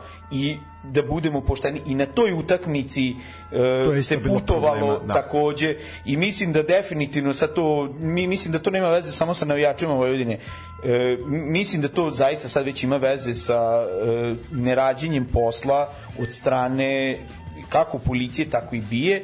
Oni ako znaju da postoji problem, on, njihov je zadatak da to reše, a ne da maltretirate ljude pogotovo ako je sada bilo neki 150 ljudi iz Novog Sada ili 200 koliko ih je već bilo u Kavezu ako ih je bilo i toliko ne možete ih držati i maltretirati da putuju 4 sata od Novog Sada do Beograda mislim to je zaista koliko god niko ne zaslužuje da putuje od Novog Sada do Beograda 4 sata. Apsolutno niko. Apsolutno, tako da.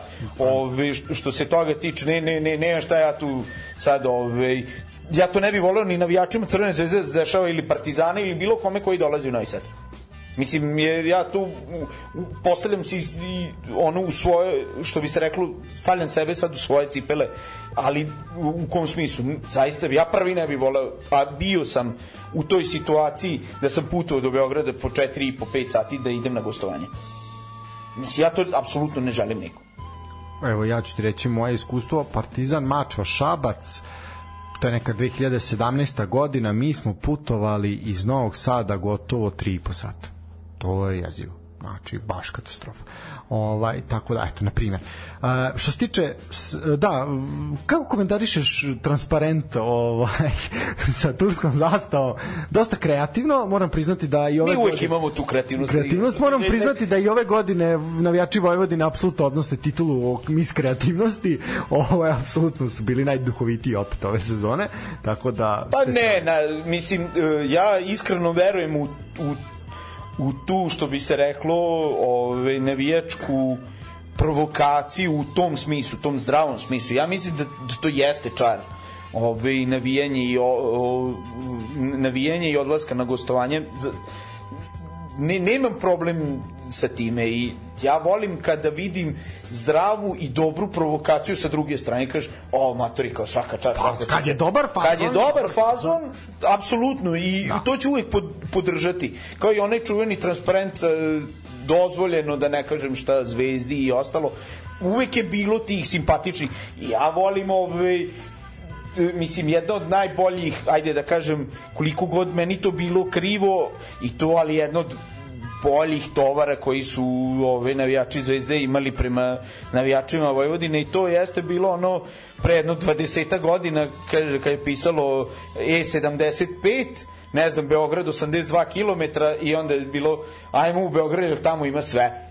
Mislim, ok, koliko god to nas ono, iznerviralo, ali do, dobar je fazon. A, čekaj, to je, a, odgovor je bio treba će vam pasoš. Ja, Ne, tako je. Mislim, šta god, nebitno. Sad, da li će biti i carinarnica na gazeli ili to možemo se dogovoriti, bože moj, ili ispred aerodroma, mislim, aerodrom je naš, naravno. To je, a, ove, tako da, ne, ali što, što se toga tiče, stvarno nemam problem sa time. Ne, nije to- to nije problem. Problem i to jeste, stvari, da. I to jeste čar i lepota ove, nevijanja u pravom smislu te reči. Znači, to je, to je taj ultras fazon. To što, nažalost, e, često ljudi u ovoj zemlji upadaju u tu zamku što je neko pustio priču da, da su huligani, ne, e, ne huligani, da su navijači, ne znam, ne, navijači su dobra stvar. Huligani i kriminalci nisu dobra stvar. I daj da budemo iskreni, to je broj jedan, i vrlo precizni i jasni kada nazivamo te kriminalce sa tribina, da ih nazivamo pravim imenom. To nisu nikakvi navijači.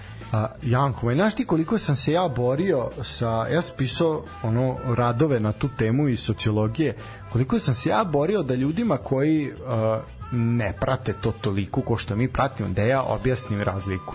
Šta je simpatizer, šta je navijač, šta je ultras, šta je, šta je huligan a da ne pričam kriminalca. Ovaj, znači, jer e, najlakše je sve to strpati u jedan, u jedan koš, a to postoji ozbiljna razlika. Naravno da postoji ozbiljna razlika I to se mora- nije u redu e, prema ljudima, ne, naravno. Ne, ne samo uh, vaša emisija, to jest vaš podcast, e, mislim da ovaj treba i drugari sa drugih sličnih ovaj stranica podcasta i to mislim da i oni to treba da shvate kao jednu misiju da treba da objasne e, širokom pučanstvu što bi se reklo šta znači biti navijač. Navijač znati biti, voleti svoj klub i ići navijati za svoj klub. Tako je, kupovati, Kupovati kartu, karte, kupovati sezonsku. stvari u, u fan shopu, i je. ostalo. Pritom, navijač znači i biti, znati ko igra za tvoj klub. E, to je... To je isto jako bitan detalj. To- Ja kao navijač Vojvodine znam ko igra za moj tim. Vrlo dobro znam. I dobro znaš ko je igrao. Znam i ko je igrao i ko igra. Ali... Znao ni ko će igrati, a ne veze. Nećemo o tome.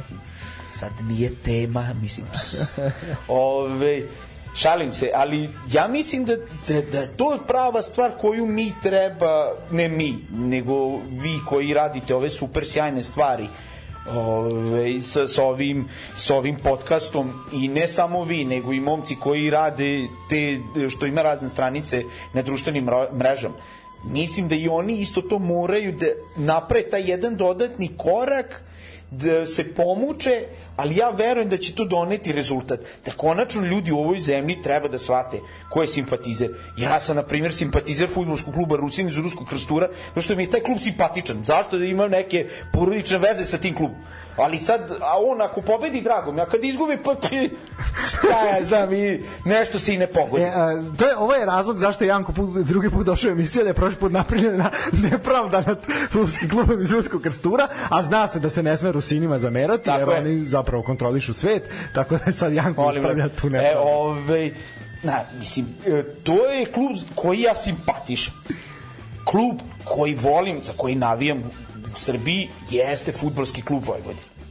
I pored futbolskog kluba Vojvodina, imam još klub koji isto volim i uvek mi je bio drag, to je Manchester i pored njega mogu da kažem dobro, u redu provokacija, u redu Ove, I klub isto ko, ko, koji sam uvek voleo i kao klinac i uvek su mi bili interesantni i zbog navijača i zbog svega je, jeste Ajax. Ali, na primjer, ali uvek tu, stvarno mi je uvek bio drag klub. I, i, i gotivan mi je. I najviše me nervira kad na primjer izgube od PSV-a i to mislim da nema kraće stvari nego kad izgubiš od PSV-a u Holandiji, ali dobro nema veze, ali kažem ali to mora da bude, onda imamo ultrase. To su momci koji idu na navijačku tribinu aktivno učestvuju u navijenju učestvuju u, kri, Koreografijama, u koreografijama i ostalo. I imamo na kraju huligane. Pritom ako ćemo da pričamo o huliganima koji ove, koji postoje, na primjer, na tom nekom zapadu i i ajde da kažem u jednom delu centralne i istočne Evrope. Znači to su momci i devojke koji idu da se tuku pod nekom pričom da oni bodre klub.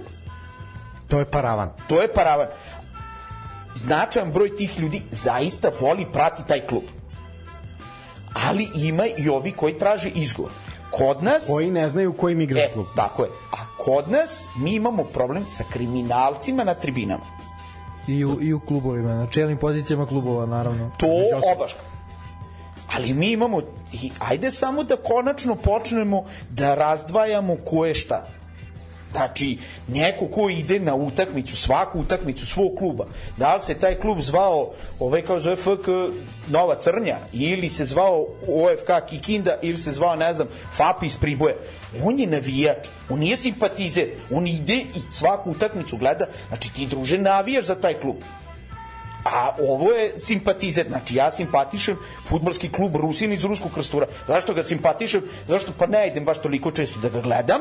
Kad odem, pogledam, znaš, ispratim ja to na društvenim mrežama, ako povi je pobedio, nadam se, ono pogledam da li je naš drugar Deja dao go za njih. Za. Ako, ako je pozdrav, veliki pozdrav za pana Pavlovića, ovaj, ako je dao go, bude mi super drago, ako izgube, pa e, jebi ga, izgubili su, ajmo ništa, sledeću utakmicu valjda će pobediti to je to. Ali ajde samo da počnemo da stvari nazivamo pravim imenom. Pazi, ovo se ekstra ispričao, samo ću još kratko ovo nešto, ovaj, mada smo otišli, otišli malo Otišli sa, smo, sa, da, da, sa ne, predloga ja kola vraća se. debelo. Ne, ne, ne, ne, ne, ništa. ovo je ekstra, ali teo sam reći, ne, mislim da to nisam pričao.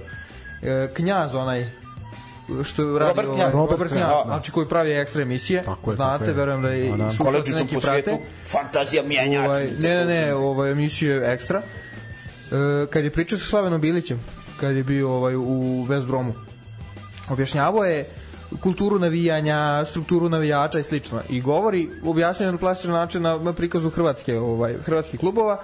Ja navijam za Dinamo. Ja sam iz Zagreba, navijam za Dinamo, ja navijam za Dinamo. Što ti kažeš, šta je Rusin, znači ima neki mali klub, ali to me ne zanima. Ja navijam za Dinamo. To što sam ja iz sela pored Dinama i imam klub, to nije važno.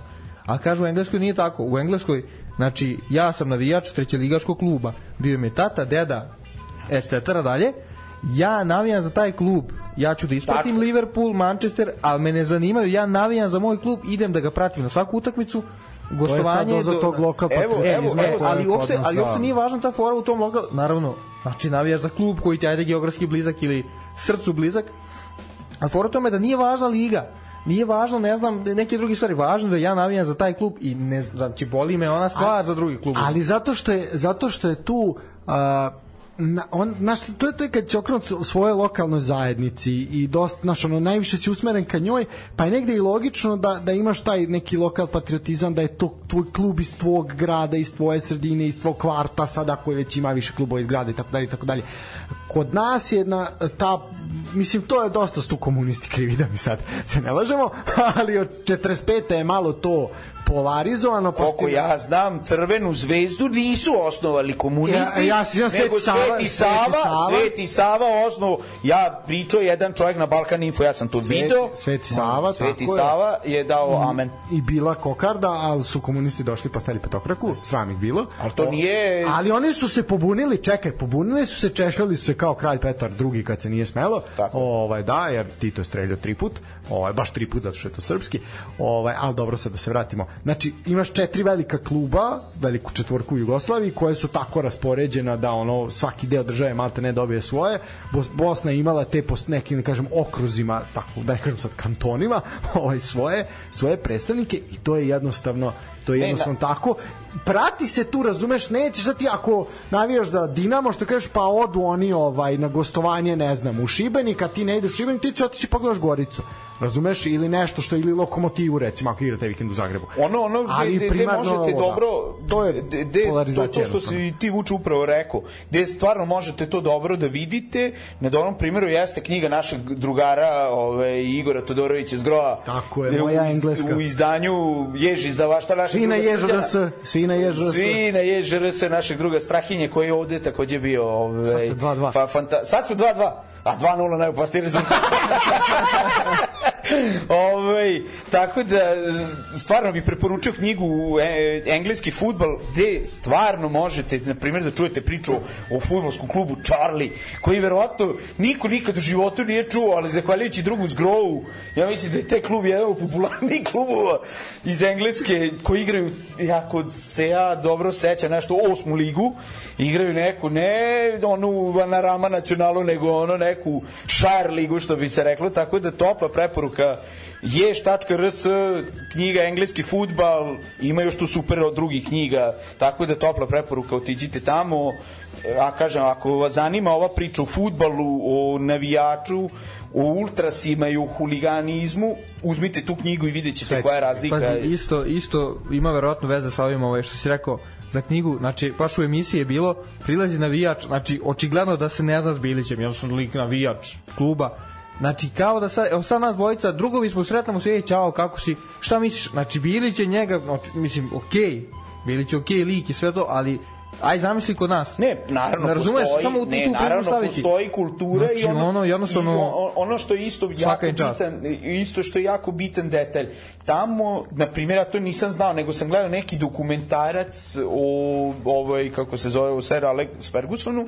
Ja na primjer zaista nisam znao da oni tra, uh, neguju tradiciju da treneri e, nakon utakmica i, domaći trener vodi gostujućeg Stav, trenera da, na, da, da. večeru, da. da, na večeru To, je, to baš je Bilić pričao, E, da. na primjer, ja sam se bio oduševio. Ja nisam znao da to... Mislim, to je za mene bio ono ozbiljan Tu, tu, kulturni šok. to je, to je Ferguson pričao da je to sa Wengerom uživao, da je to baš da su sad, oni da... sad, ja sad razmišljam, A u čoveče, godinama kad su bili najveći rivali. to, Da. sad ja zamišljam, ok, da, nama, mi volimo e, Nenada Lalatovića. Aj zamisli zašto- večeru Nenada Lačića i Žarka Lazetića. E, Bili bi puni tamo Lalatović idi i Šarac. pobedio si, pobedio si, brate. i to, Pazi. to je tajna večera više. Ili, ovaj. ili, ili, ili još luđa večera, na primjer, Slavoljub Đorđević i Rastavc u Novom Sadu. Nakon otkaza. Mislim, ne, Znači, bilo bi to je još. ono što je velika razlika, što ti, pritom, Engleska, ono koleka futbala, kiša pada, puni stadioni i sad tebi dođe, nema tamo, ok, naravno, svi mi imamo, nosimo određen nivo suet.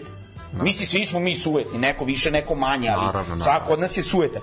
E sad, koliko ti moraš da pređeš preko svoje suete, naročito ako izgubiš u nekoj utakmici, ok, nećeš ti sada, ne znam ti ni ja sad biti jako kurtoazan, ali ti moraš to da ispuštaš, ti moraš da odeš na tu jebenu večeru ili na taj Jel, ručak. ali, kaže on- šta te, jel te čeka ozbiljna osuda društva ukoliko to ne? Apsolutno. Ne samo to, nego pazi, oni su baš i Bilić pričao, uh, tipa dan, dan, dva pre nego što je pričao sa knjazom, je bio ovaj, s Bjelsom, protiv Bjelse Lic, ili Lic, Jeste. Lic, da, Lic, Lic, da, da. Lic, ovaj, pa s Bjelsom, koji je, ne znam, idol, ono, Guardiola ga navodi za idola i slično, kaže, on je uživao, ali nije tu ta fora kao večer, kaže ona, to, to je to drugi plan, jednostavno, sediš i pričaš kao sad mi što pričamo, jedan na jedan, otvoreno pričaš sa čovekom koji ti je do malo pre bio protivnik, do malo pre možda, ono, mogu da ti... Tu se ono, dolazi do smirivanja te tenzije, razumeš? I to je jako bitno, da. A razmenjivanje, koliko trenirate, šta radite, znači otvorena priča, što je interesantno i... Dijalog, dijalogu može Da, uvek da, samo da. doneti ono dobro, da, nikako ove, e, da se vratim na utakmicu Crvena zvezda Vojvodina. Ove, što ponovo moram ja sad još jednom javno da se izvinem ove kako se zove e, e, gospodinu Bataku. Ja stvarno sam imao velike ono, skepse, da ne kažem, ove, nisam Sumnje? sumlje sa slovom lj velikim ove, prema njemu i to, ali on čovjek pokazao da je ozbiljno e, o, o, ozbiljno iskomunicirao sa igračem, da ne kažem ozbiljno je psiholog, Vojvodina je ponovo bila u re, e, rezultatskom zaostatku Tako je. i Jer je Bukari se- postigao pogodak u 9. minutu. I, ponovo je ovaj kako se zove i ponovo se vratila utakmicu. Što nije bio slučaj dugu godinu u Vojvodini. Mm -hmm. Vojvodina je imala taj nažalost problem koji se zove da kada primi gol jako redko je mogla da se vrati u utakmicu. Sada sa, sa Batkom na čelu, boga mi Vojvodina je preležala ove, te ove, Dečje de- bolesti. dečje bolesti ok, desi se, nije sporno, ali Vojvodina se vratila i ne sad, e, i prošli put kad smo gostovali na Marakani e, e, ne, Kabić. tada smo mi u stvari Ja mislim da smo mi poveli golom Kabića. Ili smo Ne, ja mislim da isto izjednačenje bilo. isto bilo izjednačenje. Mislim da da. Ove, Možda ako grešim, neko, od- ako neko, neki nek nas naših ispravi, da. dragih, e, slušatelja zna da ove Nek nas ispravi, da. da nek nas ispravi. Ali ono što stvarno mu skidam kapu i stvarno moram reći svaka čast. I ja bih voleo, kao što se Zvezda, ja mislim iskreno, na jako seljački način ponela prema treneru Milojeviću, Apsolutno, to je, Dobro, to je... to smo i pričali. to Ovaj, je- to smo pričali, da, već osam mislim, puta, da, stvarno bi je- voleo ta dva čoveka da, da vidim da su nakon utakmice otišli, koliko god je Vojvodina e, onako bolno izgubila u, u nadoknadi vremena i onakav go Ove, stvarno bih voleo da, da sam video sliku da su njih dvojica seli nakon te utakmice na neku večeru da su seli i da je to neku fotografisu jer stvarno mislim da To nam ti- treba, kao vode. ali upravo to. To nam treba zato što je to dobro, zdravo, za e, ne, ne samo naš futbal, nego da pokažemo da nije to borba na život i smrt. To je samo igra koja znači puno ljudima. Tako je, ali ali mora da znaju ljudi U biti je igra. da su to naši protivnici, a ne neprijatelji. I da mi na te utakmice ne idemo u rat, nego idemo da se nadmećemo. I mislim da... Pacifista. Nobel, vidi, doktor Zvezdan Terzić Nobelova nagrada za ekonomiju, Janko Pridi Nobelova nagrada za mir. To je to. e, samo ću reći jednu stvar. Iv Baraj, čovjek ušao u igru, prvi kontakt sa loptom, gol i povreda. Nažalost, Ovaj, povreda. Nažalost povreda. A, vidjet ćemo koliko će dugo odsustovati s terena verujem da problem će biti kup završnica neće ga biti vrlo verovatno Uh, to je bio 58 minut i bukvalno su sekunde delile od boda po- ponovo Vojvodine na, na Rajko Mitiću međutim Kings Kangva 94. minut udarac kroz šumu igrača Carević u raskoraku iako je Carević imao nekoliko dobrih intervencija ovaj put zaista mislim dalje mogo nije mogao ali precizan Ne. udarac Kangve mislim nema šta Ne, ne, ne, nema šta. Kangva je... Da budemo realni, mislim da je Lazarević izbio glavom. Ove, da. mi, mislim da je on, nažalost, nije najbolje izbio glavom broj 1, broj 2, niko nije izašao niko nije izašao na šut Kangva je stigo da primi loptu da se namesti Da da, šutne plasira. da, da Ništa. mislim ono tako da ovaj takođe isto mislim e, da Carević nažalost ovaj ne kažem ali mi je žao što nije pokušao da hvata tu loptu vidi se da je bio u raskoraku da e sad da li je to čini mi se da to polako počinje da izlazi na videlo sad već malo ozbiljnije. A ono što smo pričali da, Ove, njegove da, mane, da, da postoji taj problem oko njegovog pozicioniranja i da nije dovoljno brz. O, tako da žao mi je iako mislim da neko ko je prošao La Masiju je nešto naučio ne, mislim otišli ste u najbolju školu futbala koja postoji na svetu i verovatno ste ne nešto naučili nego ste naučili jako puno. E sad e, ja imam veliku rezervu prema njemu. Ne mislim da je on krivac apsolutno ne mislim. Ovaj mi mislim da je kriva odbrana koja nije ispratila to kako treba ali ponavljam da mi je žao što nije bio kvalitetnije postavljen na nogama da da isprati da isprati taj šut. Ove, ne, ne, nema šta tu da se zameri Vojvodina. Muški izašla na tu utakmicu koliko je koliko god je mogla pobila se. To što su na takav način primili go je boli naravno ali mislim da je ekipi Vojvodine trenutno u ovom trenutku više fokus kup, kup mnogo značajno. što bi mi rekli naša stara parola da ne kažem slogan kup je naš mi otkad znamo za sebe kup je naš i to je to mi prvenstveno nećemo da osvojimo titulu mi samo kupove osvojimo Eto, tako- titula je- ne, pa ne titula. treba nam titule i ne, proklete su titule ljudi napadajte samo kup ovaj, tako da mi vidjet ćemo, ovaj, nadam se da će momci uspeti do srede da, da dođu sebi i da se pobiju muški sa ekipom Čukaričkog za mesto u finalu kupa. Uh, ajmo dalje brzo. Uh, TSC Voždovac, ovde ja nemam šta puno da kažem. Uh, pratio ja Rutinska sam utakmicu rutinska pobeda, golovi Luke Ilića i Petra Ratkova, ponovo momci koji su zaista onako ovaj nema šta, u najboljoj mogućoj formi u njihovim karijerama i od njih se zaista mnogo očekuje. TSC gleda da obezbedi ugovor Luke Milke Ilića i za naredne, naredne, naredno vreme, tako da Voždovac isto ljudi ovaj dosta rekreativno igraju ovaj play-off, što je negde i jasno sa ovom decom koju imaju i oni se gledaju kako da pripreme tim za narednu sezonu, odnosno da vide kako će odraditi taj prelazni, prelazni rok. TSC nastavlja trku za uh, za to drugo mesto i sad ćemo to prokomentarisati u onom delu kad budemo radili najavu, tako da ja tu ne bih nešto mnogo udružio. Pozdrav za sve naše drugare koji su bili ovaj na stadionu Topoli, koji su eto poslušali naše savete i našu priču i otišli tamo i uživali. I su bili u crkvi, to je pitanje. A, to nisu rekli. Ovaj ali su zaista oduševljeni, oduševljeni stadionom i sada i oni isto propagiraju tu priču kao i mi, ovaj da, zaista treba treba otići. A, što se tiče poslednje utakmice plej-ofa, ona je odigrana na u Beogradu u stadionu na stadionu Partizana protiv Radničkog iz Kragujevca posle gotovo mesec dana Partizan je imao publiku na svom terenu. Inače, ovo je prva utakmica Partizana sa publikom u plej-ofu, ne samo u plej-ofu, da je subota, odnosno da je vikend. Znači, ozbiljno Partizan je dosta igrao po radnim danima, dosta su igrali bez publike. Znači, s publikom, evo sada prva utakmica uh, za vikend što se tiče play-offa, ovaj, to je naš drug Živan, koga ovaj puta pozdravljamo, on ima svoju čuvenu Excel tabelu gde piše sve koliko je ljudi bilo, šta sve, zaista jedan ozbiljan onako manijak, ali dobro, mi ga volimo i on je naš. E, što se kaže, utakmica Partizan jeste bio borben, sve to je u redu, radnički je skupo prodao svoju kožu, e, Quincy Manning, prelep gol, zaista čovjek je onako pokazao klasu. Luka Milunović se prikrao i izjednačio na 1-1 jako katastrofalna reakcija odbrane odbrana tokom cela meča. Siniša Saničanin zaista treba ono da bude ozbiljno ozbiljno neko razgovor da se njemu posveti ili da napusti klub pod hitno. Bar tako je reakcija uh, Partizanovih navijača. Jako su to loše reakcije jako je tu problem sa njim i sa Vujačićem, a problem je i sa ovim ostalim. Mislim, kogoda da tu uđe pravi neshvatljive greške. Uh, sreća u nesreći da je Ricardo u 56. minutu eto još jednim svojim golom doneo doneo ko je, ovaj e, ko je branio na utakmici za Partizan? Popović. Popović. Da.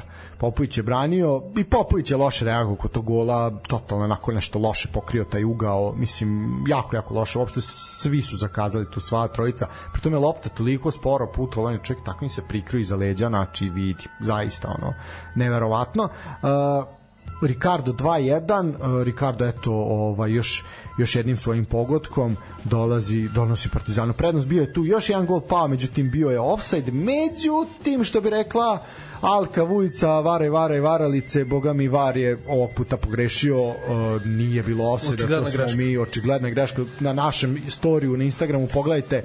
Ja jako, stvarno jako sad, za, zaista sad ne znam, uh, kako oni sada izvlače te linije. To mislim, evo ni, ni ja sam video taj ovaj kako se zove, ja sam video taj snimak. E sad, da li oni koriste, što bi se reklo, veštačku inteligenciju, pa ta veštačka ne, inteligencija... Ne, ne, ne, ne, ne, ne. Nego oni izvače liniju. Imaš e, VAR sudiju, a VAR sudiju i tehničara.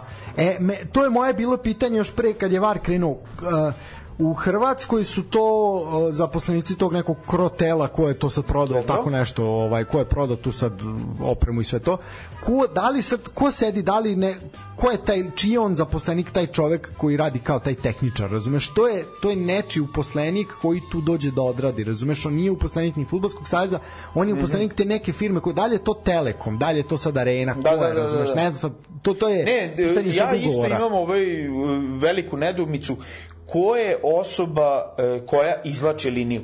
Da li je to veštačka inteligencija, da li je to ne, neki ne, mićo, sedi, sedi čovek koji izvlači da li je to neki mićo koji sedi pa izvlači liniju. Da, da, tako je. Tako. E, to je ono što je veliko ja imam tu problem sa time što se pokazalo evo na toj utakmici da e, opet ćemo doći u situaciju da će biti neka utakmica gde će gde, ne, gde će biti, ajde da kažemo, derbi, koji će verovatno donositi nešto, puno donositi, puno odnositi, ove, i da se desi takva greška, pitanje ko će da odgovara za to. I ponovo se vraćamo na temu uh, koja se zove odgovornost. Pa da, mislim, evo ja ću samo, apsolutno se slažem, ovaj, samo ću reći da evo, Partizan prošle sezone je primio samo 13 golova na 37 utakmica, a ovo sada ovaj, je jedno od najgorih, 30. najgorih, da, mislim, jezivo.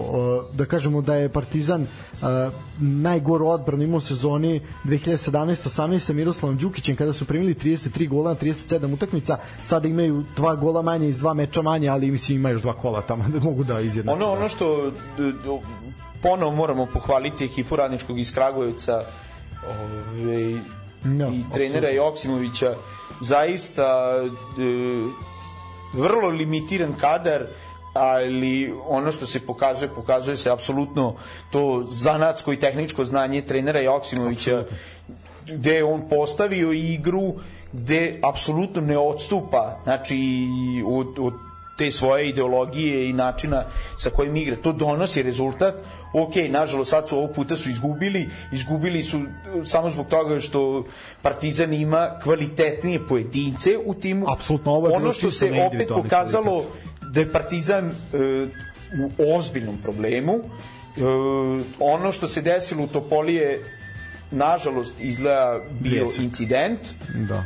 ne bljesak nego incident jer ponovo smo videli Partizan koji je jako ranjiv naročito pozadi e, apsolutno ne postoji nikakva komunikacija u, u, u- toj zadnjoj trećini e, znači počeši od zadnjeg veznog pa cela ovaj odbrambena linija i, i golman apsolutno ne postoji nikakva komu, mislim komunikacija. Ne postoji kvalitetna komunikacija između te tri linije.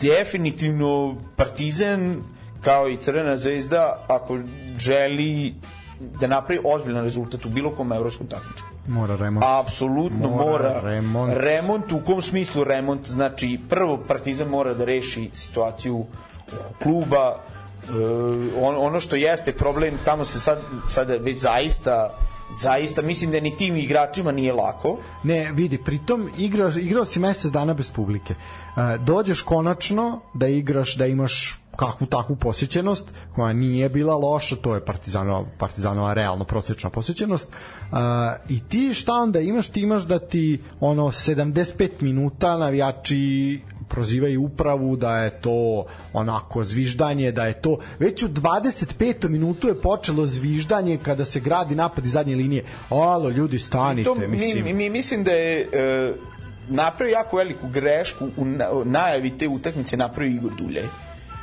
gde je izjavio e, dođite na stadion pa makar zviždali na stadion mi, mislim da je on Isto. e, iz Ali to je iz očaja, mislim. iz očaja i iz naivnosti svoje ove, i to, to je ona obrnuta psihologija nemoj skočiti, molim te, nemoj skočiti nemoj, ne, i ti skočiš mi mislim da je nažalost iz te naivnosti i tu se tačno vidi da Igor Duljaj je došao u Partizan kao da je pao s Marsa pritom ne svojom ne svojim neznanjem, nego se vidi da je došao iz jednog uređenog sistema koji Da, se da. zove Šahtjor, koliko god nama to teško bilo da prihvatimo. Šahtjor Je Dinamo iz ozbiljan Kije, sistem. to su ozbiljni sistemi koji donose pare i koji rade ozbiljne transfere i ozbiljne igrače. Pola ovih Brazilaca koje danas možete da vidite su prošli kroz naročito kroz ekipu. Apsolutno. Tako da mi žao mi je ove Igora Duljeja o, plašim se da će on da plati cenu kao neuspešan trener, ali mislim da ono definitivno u ovom trenutku nije toliki meni ni problem ni igrački kadar, koliki je problem ta situacija u klubu gde se ne zna. To je- to je Imali smo sada situaciju da je e, futbalski klub doneo odluku da istupa iz e, sportskog to je- to je društva, toliko sportsko društvo je toga, uvelo da. prinudnu upravu e, APR odbio sve, APR odbio pa sad ćemo opet imati situaciju da li će e, fudbalska sekcija smeti da nosi grb, neće smeti, da li će uopšte igrati. Mislim, ja verujem da to jako puno donosi Apsolutno. pa skretanje pažnje sa ozbiljnih problema koje klub očigledno ima. Pa to jesu ozbiljni, mislim to su problemi, razumeš? Da, da, da, ali problem, da. mislim Ne, to- ne, ne, to što je sad Janko rekao Grbovi, to mislim na stranu. Ne, okej, to je posledica akcije, to je ali, posledica ali problema. umesto da se rešavaju nekako problemi koji ih ima, Pa nije tu cilj da, znači, mislim, cilj Ne, to je sada naravno velika... To je sad natezanje velika Tako je, to igra, mi- to je taka politička ono, igra ono što da je to tu sada vredi diskutovati. Jedino što bih, evo ponavljam, ne jedino, znači pored stvarno dobre igre ove ekipe radničkog iz Kragujevca i stvarno kvalitetne postavke, znači sad već na tog trenera treba zaista obratiti pažnju. Tako je. Ove, što bi se rekli ovi naši veći klubovi u ovom trenutku i sa većim budžetima u odnosu na radnički iz Kragujevca zaista treba da obrate pažnju na trenera Joksimovića. Mi mislim da ove, ponavljam gledam koja to stranica da, stranica arene i stadion izbacuju posle svakog kola broj publike na utakmicama. Sad je već, mislim, bespredmetno ove, i komentarisati toliko jadnu posetu na utakmicama Superlige da je to sad, stvarno sad već neverovatno. Pritom imamo, mislim, situaciju da ekipa radničkog iz Kragujevca zaista igra dobro. I u ovom trenutku jeste njihov domet e, to šesto, sedmo mesto, oni su trenutno sedmi, ali to jeste njihov maksimum. I umesto, ko što sam rekao na toj utakmici, stvarno da ih ono, da dođe par hiljada ljudi na čikadaču i da ih stvarno ono podrži, ja kažu, bravo ljudi, znaš ono, prvi mi nismo verovali, mi Kragujevčan nismo verovali da ćete da igrate tako dobro futbal, da se isprsite svakome. Mislim, va, do, dođu 400 ljudi, pa mislim, stvarno je sad sramota. Zaista je sramota. Apsolutno. Tako da, žao mi je. I to, i ono što moram da pohvalim ove, navijače Partizana, sa jednim detaljem jeste to da su se lepo oprostili od majke trenera Đikića, Da, tako je, to jeste ovaj, malo. koja jeste bila veliki, velika navijačica ove, sportskog društva Partizan i ovom mi prilikom bih želeo da skidati. Ove, izjavim saučešće treneru Đikiću ove, tako da još jednom zaista moram se ove, pohvaliti navijača Partizana samo u tom detalju Samo što se toga tiče. samo što se toga tiče jer ovo zaista već sve pored toga nije bilo za komentar Uh, idemo dalje. Uh, brzo moramo da bi stigli malo i rukometa prodiskutujemo. Kolubara napredak, kad smo kod sramote, Kolubara napredak, kad smo kod sramote i ovoga što se dešava u Lazarevcu, uh, pre ove utakmi pre ove utakmice se desio incident kada su igrali Javor i Kolubara da je došlo do sukoba između uh, predstavnika klubova inače predsednik Javora je uh, napustio napustio ložu tako što je demonstrativno pljunuo ovaj gospodina Dragišu Uroševića iz ovaj predsednika Kolubare da ovaj eto zaista Kolubara onako Uh, znaš šta je najgore sad od svega? Sve to što se dešava, te pretnje, Lalat je pričao o ovom isečku što sam ja sad tu skratio, ovaj, pričao o tom nameštanju, vamo tamo. Uh, Kolubara preti joj ozbiljna kazna, preti oduzimanje Od bodova od UEFA, da. Sve je to na nalogu UEFA, naravno to da se pita zajednica Superligaša, to nikad se ne bi o tom diskutovalo. Ali šta je sad problem? Sad tebi Kolubara je gubila te utakmice kako god, uh, to je poprilično rasformirano, dobili su informaciju da i naredne sezone neće biti para od rudnika i to je onako priličan udar na, na klub koji ne znam kako će funkcionisati. Uh, znači neće godine- funkcionisati Pa znači neće. Nažalost, da. neće. Da. E sad šta se tu dešava? Odigrala se utakmica sa napretkom gde je bilo 2-2. Inače, ajde kratko, samo bukvalno u jednoj rečenici, napredak je u prethodnom kolu, to je utakmica koja se igrala u utorak, izgubio od radničkog iz Niša, gde je ne masakriran, nego ono zaista je je masakr je previše blaga reč šta je Novak Simović uradio uradio Pa napred. ništa, no, no, Novak Simović je čovek koji, koji je stvarno zadužen za te prljave stvari u, nažalost u, u srpskom futbalu i mislim da taj čovek e, pored e, sad već i vidljive priče oko Lazarevca, to jest oko ekipe Kolubare, mislim da i on treba čovjek da bude predmet predmet istrage a pošto vidimo da naši ovaj kako se zove naša fudbalska organizacija apsolutno ne reaguje na to mislim da i protiv njega treba da se podnese jedna prijava gde će da bude pod istragom od strane ove tog kako to kaže organa, tela za da. integritet fudbala mislim Tako da je, se to tako tako, je. zove mi mislim da bi trebao da bude sankcionisan tako da E, da li sankcionisan ili proveren ali da da je jako čudno Boga mi on bilo sudi Ide da se obrati pažnja na to, jel? Kao što, Da. si, kao što smo pričali ovaj, u vreme pauze, znači nije jednom, nije dva put, nego, Nego puta da, se sad je već dešava. pravilo da on kad sudi E sad, to je što se tiče ovoga, znači zaista su masakrirali napredak i napredak je onako to na društvenim mrežama napravio kompilaciju svega toga, tako da slobodno pogledajte stranice napretka iz Kruševca da vidite šta je, šta je čovjek radio. Ovaj, to je bila ta jedna utakmica koja se igrala u utorak, ovaj, gde je a, radnički slavio sa, sa 2-1 u Kruševcu i napredak je došao poprilično onako da je vreme da mi o matematičke bezbedimo opstanak i poveli su golom Čečarića u 18. minutu, a, Đuranović izjednačio iz ispravno dosuđenog 11 na 1-1, da bi Bojan Matić nakon jednog, pa može se reći možda čak i čudnog penala, ali bilo je tu na granici, uh, doveo, ovaj, El Matador je doveo napredak u prednost sa 2-1, uh, da bi Kolubara krenula sa sve golmanom Balšom Popovićem napred, znači daj sve, sve, sve, i na kraju su dočekali taj taj gol koji je bio potpuno regularan 94. minut igrao kada je Đokić dao gol. I šta se sada dešava? Sada u jednoj utakmici koja zaista ne može se reći da je sumnjiva, gde tu niko nikog nije pustio, a nije boga mi bilo ni dogovoreno, nego se tu gorelo. Onaj ko nije gledao highlighte ili nije gledao utakmicu će reći, ha, pogledaj, još jednu su namestili.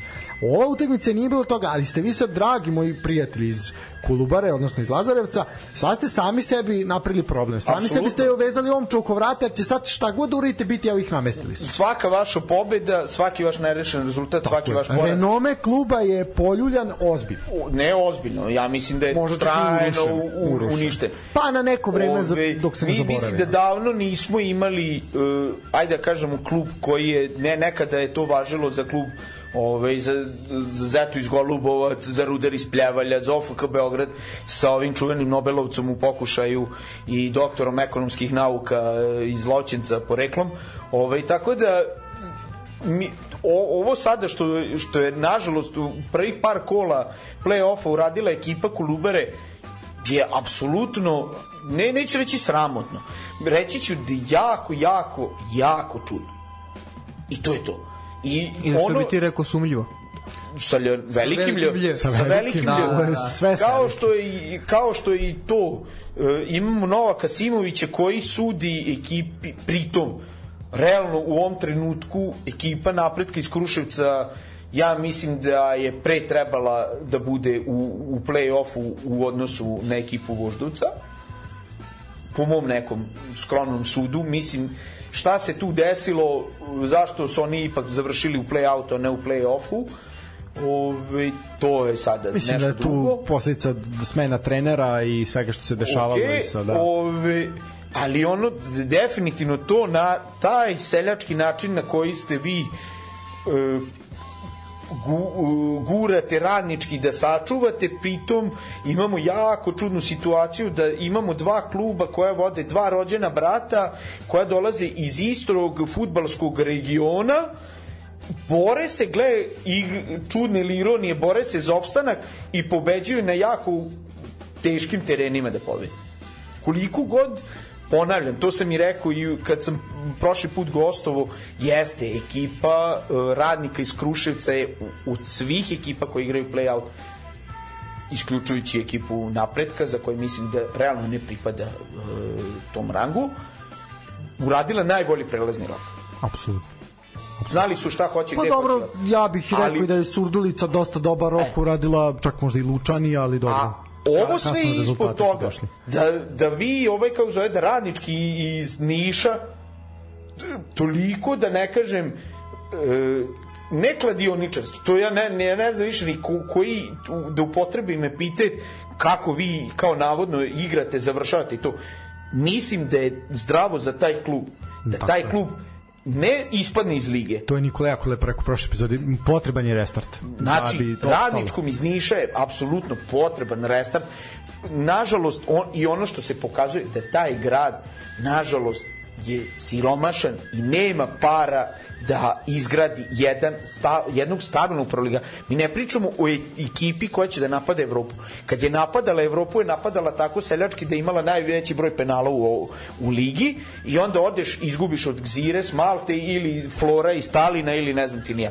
Koliko god e, to nama sada zvučalo, ako smo mi kao Liga 11. u Evropi, valjda očekuješ da svi klubovi budu u tom nekom višem rangu, ali ti dođeš u situaciju da izgubiš naročito od one pritom florate očrafi i odučite od futbala i izblamirate za sve novce, pokaže ti, evo viš kako se igra futbal, a od gzire ispadneš Na najseljački mogući način. Pacarski, onako, baš. I ne, nema tu šta, i, i neće mi biti žao, ali ja mi e, da ispadne, zato što je loša priča oko toga. Ono što taj grad, Niš, apsolutno zaslužuje, jeste jedan ozbiljan, stabilan prvoligaš, a to će se rešiti jedino tada kada ovaj sada klub sa ovim Ivicom ili Novicom, Tončej koji god da je tamo, oterate iz kluba, ugasite taj klub, napravite novi koji će se zvati Radnički Niš 1923 i početi iz najnižeg ranga i da vidiš koliko će ljudi videti kada bude prava priča iskrena koliko će imati publike na stadionu biće puniji stadion i imaćete rezultat Tako je. E sad, što se tiče ove druge utakmice koja se igrala u utorak, to je duel između mladosti iz Lučana i radnika iz Surdulice. Samo ću reći, pazi kakav trio je doneo pobedu Lučanima. Marko Mirić na asistenciju Nemanje Tomića i Vladimir Silađi prvim golom za Lučane na asistenciju Marka Mirića. Sve iskusnjare, iskusnjare stare. Ovaj pobeda, jako bitna pobeda za Lučane. E sad, e, što se tiče današnjih rezultata, ja ću ih samo ponoviti, pa, pa idemo na tabelu. Znači, Niš je dobio Javor sa 3-2, Radnik i Gat su podeli bodove, bilo je 1-1 i Spartak je dobio Lučane sa 2-0. Što se tiče tabele, ići ćemo naravno onu za e, Ligu za Bedaka, to sad izgleda ovako i onda ćemo se po, posvetiti narednom kolu da bismo stigli rukome da ispričamo. Uh, ovako, znači napredak ima 38 bodova, on je prvi, druga je Kolubara sa takođe 38 bodova. Ova, inače Kolubara ima najgor gol razliku u lige. da Da, eto, to je nešto za minus, minus 29. Ovaj, e sad, što se tiče uh, radničkog iz Niša, on je treći sa 35 i Spartak i Subotica je četvrti sa 35 bodova. Znači, najugroženiji su Niš, Subotica iznad crte. Baraž Javor sa 34, a Lučani sa 32. A, podlači se crta, to je baraž, a direktno ispadanje za sada Surdulica 31 i GAT 29, ubedljivo GAT u najgoroj poziciji. Ono što je ovako simpatično da radnik ima 24 data gola, 47 primljenih, a GAT takođe 24 data, 47 primljenih. Što se tiče ovog play-offa, Crna zvezda je jasno što je šampion sa 95 bodova, drugi je sa sada TSC sa 71 bodom, treći je Čukarički takođe 71 bod. U slučaju jednakog broja bodova TSC će biti ovaj drugi na kraju zbog boljeg ovaj i bo, pa i međusobna razlika, ali i toga što su bili ovaj Drugi na kraju drugi na kraju regularnog. regularnog dela. Uh, četvrti je za sada Partizan sa 70, 67, pardon, Vojvodina je peta sa 61, uh, Novi Pazar je šesti sa 50, Voždovac ima 45 i osmi je Ranči iz Kragujevca sa 41 bodom. E sad, što se tiče narednog kola, odnosno onog što nas čeka već u sredu. U sredu od 18.30 časova u isto vreme počinje oba utakmica što se meni malo i ne sviđa, ali dobro, pratit ćemo, pratit ćemo obe. E, kratko, znači predikcije vaše, moji dragi momci, e, evo pišem Janko, pišem Vuk, pišem mene, znači prvo polufinale TSC Bačka Topola protiv Crvene zvezde. kec Veliko voj, veliki vojvođanski derbi final, Final, dobro, Vuče. Navijam za zvezdu, kažem, kao Janko Kec. Dobro, Iskreno, mislite, iskreno bi želeo, želeo da pobede. Ja- Znači, navijam za zvezdu, ali nek pobede. X. Na penale. Penale? Na penale. Znači još u polufinalu su A ko, polufinalu ko su- dobije na penale? Uh, mm, Finale se inače igra u Topoli. e, ne, to još nije zvanična informacija. A to još nije zvanično. To nije zvanična informacija. To je predlog pošto ovi stadioni koji se grade e, nisu dobili upotrebnu dozvolu. I to je sad predlog da se igra u Topoli. Još uvek se to ne zna, vidjet ćemo. Ali malo će biti nezgodno ako Zvezda uđe u finale uh, i na primjer bude igrala sa Vojvodinom. dobiju, oni boks. Oni neka dobiju, onaj boks, šta nama dosta ovo ostalo. Šta, ajde, bože moj, vale, možemo mi biti domaći. Dobro. E sad, Vojvodina Čukarički na Karadžađu u isto vreme 18.30. Ja sam rekao, finale vojvođanski derbi. Znači, kec. Kec. A, Vuča. Kec. O, Z- z- z- zašto mislim Kec? E, Zato što mislim da u ovom trenutku je veći fokus igračima Čukaričkog e, Na prvenstvo. Na prvenstvo. slažem se. Ja ću reći 3 plus. A ako želi, ono, navijat ćemo svakako narodno za Vojvodinu. Kak je Beograđani, to ništa. Ovaj, to ništa. ne. Nek idu u Loznicu. nek idu u Loznice je, kad on tako draže. Ovaj, dobro. E sad, što se tiče narednog kola, a, narednog kola, jedino za sad utakmicu za koje znamo kad počinje, to je utakmica uh, Radničkog iz Kragovica i Crvene zvezde, ona se igra 20.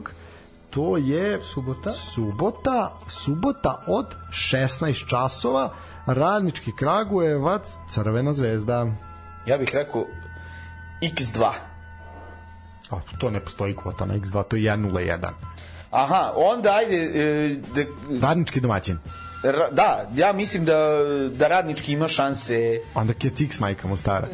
Ajde, to mi je pre intenzivno da bude Kids X. Ajde nekako, ajde, neka bude X. Neka bude X. Dobro. Nekako imam osjećaj da, da mogu da se ovaj, Na šta će reći? Ja ću reći domaćin daje makar jedan. A, brate, teo sam to da kažem. Ne vezi, propisat ćemo. Piši, piši, piši. Pisat ćemo.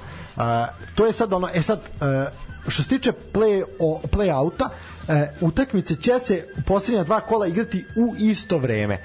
Trenutno stoji da je ovde 18 časova, subota, ali ajde vidjet ćemo, mi ćemo to svakako objaviti. E, Javor Lučani. Znači, pazi, Lučani sad idu u Ivanjicu, posljednje kolo domaćini. derbi. Posljednje kolo domaćini Gato. Znači, bitni Opa, bodovi. Ovako. Uh.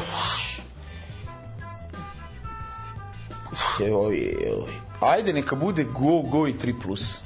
A ti očekuješ tu ludnicu koja nikako da se... Pa ne, ovaj, Ali eto ima se ludnicu u Nišu 3-2. Da, ovaj, zašto mislim? Zato što realno ekipa Ivanjice ako pobedi završila je ovaj, Apsolutno, to je moj I tip, da. ono što je najbitnije čak i izbegava i taj baraž Tako. ovaj, i to tako da Lučanima to- ostaje da u a kolu se bore, da. da, Lučani definitivno ovu utakmicu ne smeju da izgube ali imaju još jednu što bi se reklo šansu. Znači, tako da očekujem da, da može tu da bude onako ovaj, muška borba i da može da bude go, go i 3+. plus. Vuče. Ivanjica dobije. Kec čist. E, ja ću reći... Uh, mm, ja ću reći domaćin 2 plus. Razgoropadio mi se Javor, daje golove, mislim da će to tako biti sad. Uh, možete čak i ovaj samo 3 plus je isto zanimljivo. E sad, uh, verujem da će Javor uzeti sva tri boda, jer Gat dočekuje napredak. E sad, napredak je uzo bodove, napredak je miran, Gat, po moje predikciji, ovde osvaja sva tri boda. E, ja ne znam, ja nešto imam osjećaj da će biti dvojka, zbog čega mislim da će biti dvojka, nažalost. E, mislim da zbog onog nastupa Nenada Lalatovića u Kruševcu. Ono kad se svađao Da, da, da, da. i da su oni samo čekali moment da se, što bi se reklo, da mu se nekako zahvale, da mu, da kažem, da mu ne zaborave to i da mu daju jednu čestitku u vidu ovaj, ono, slanju Sam drugu ja baš siguran. ne znam, jer ne Da. vidim, e, iskreno da ti kažem, rekao sam, pratio sam mladost ove, sez, ove polosezone više puta, nažalost, o, oni po meni nemaju kadar Da da, ostanu. ostanu u prvoj ligi. Ali ja ću ti reći zašto ja kažem Kec zbog onoga što se dešava posle. Jer to je sve... Sve je to meni jasno, Sve, da. ali mi mislim da e, ono da postoji logistika postoji, jedino ovaj, u kom smislu postoji, da je jedini način što ja imam neki doželje u glavi, na koji način mogu da se spasu ispadanja, jeste administrativnim putem. Na terenu, nažalost, ne. Dobro, i tu postoji taj moment, ali to ćemo više u sledećoj epizodi. Uh, Vuče, šta ti kažeš? Ništa, Kec go go. Kec nek go bude go. lepa kvota, nek bude golova i nek Lavat pobedi. Uh, radnički Niš Subotica. Dvojka.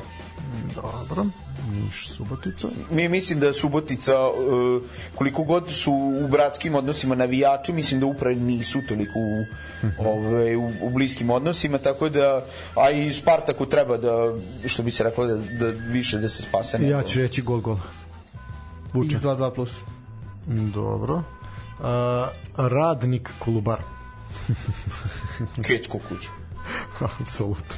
Mislim, to, to, to je jasno, toliko smešno je da ovaj, dobro, sva trojica isto. Uh, zašto sam ja rekao kec na mladost? Jer ja verujem da Gat uzima sva tri boda i onda posljednje kolo sa Lučanima rešava sve i onda tu aj da vidimo kom, kom ovaj, obojici, kom opanci, ovaj, šta će tu biti. Uh, što se tiče play-offa, tu je vrlo jasna situacija i Čukarički i TSC igraju protiv ekipa, ovaj, odnosno gosti ekipama koji su se davno oprostile ovaj, od bilo čega kakvih aspiracija, tako da Čuka ide na krov tržnog centra protiv Voždovca.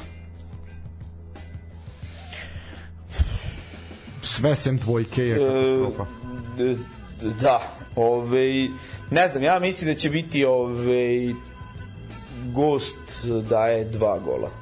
Dobro, ja stavljam dvojku vuče. Dvojka, dvojka, Dvojka. mislim. Uh, Novi Pazar TSC. E,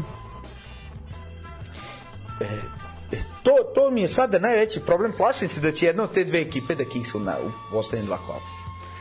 I, I to ne, ne, ne imam, uh, pazi, La, vidi, ako Lazetić ovde pobedi, ja mislim da je to to. To smo ne rekli. zaboravi Vojvodina go...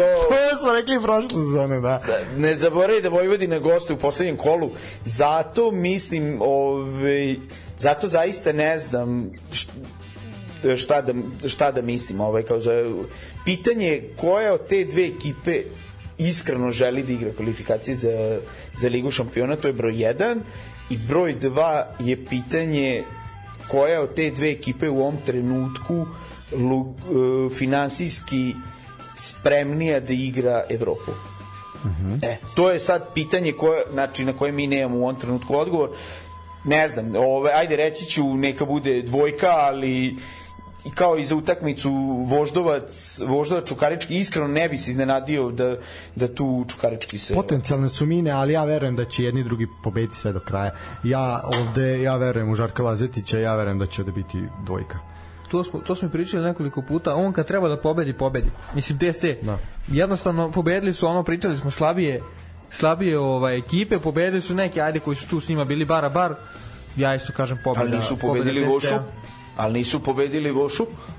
A, inače, ove dve utakmice će se igrati ist- istovremeno od 18 časova u nedelju, a e, šta kažeš ti, dvojka, jel? Dvojka. Dvojka, a e, u kolo zatvara, koliko ja vidim u nedelju, od 19 časova, a, veliki derbi između, derbi Marka Nikolića, recimo, može se tako, i derbi Miroslava Vulićevića, može, to je bolje. A, Miroslav Ulićevića i, Miroslav i ovo kao zove Abu Bakar Omaro. A ne, onda su svi, ga, da, da, ne može I, i Trajkovića. Uf. Šta? Šef ne voli pičkice. I, i, i ovaj Siriša Srničanin. I to je... Aj, oj, ne. A, ja, derbi se više sa... Ikizito, Ikizito, Ikizito, Ikizito. Ikizito derbi. Da, vaj bude Vujačić. I ovaj- Slaviša Jokanović. E, nek bude derbi Slaviša Jokanović. I to, i, i Ognjena Ožegovića. A joj, ne može. nek bude derbi Slaviša Jokanovića. Može, može. Može. Šta kažeš ti, Janko? Pa kecko kuće. Šta, šta me pitaš takve stvari, ne takve stvari. Gost 2 plus. Navijački, navijački. Pa nema ko u Partizana da Ima ko da primi, ima ko da primi. To, to da si rekao domaći 3 plus, pa da kažeš. Ove, šali se, ne, naravno, navijački, ove, kao zove, Kec, očekujem dobru utakmicu. Evo, Ne, bit ćemo na utakmici, nema šta. i- Iskreno očekujem dobru utakmicu, iako Samo te očekuje... pitam, hoćeš što biti bi na istoku ili na zapadu? Na zapadu.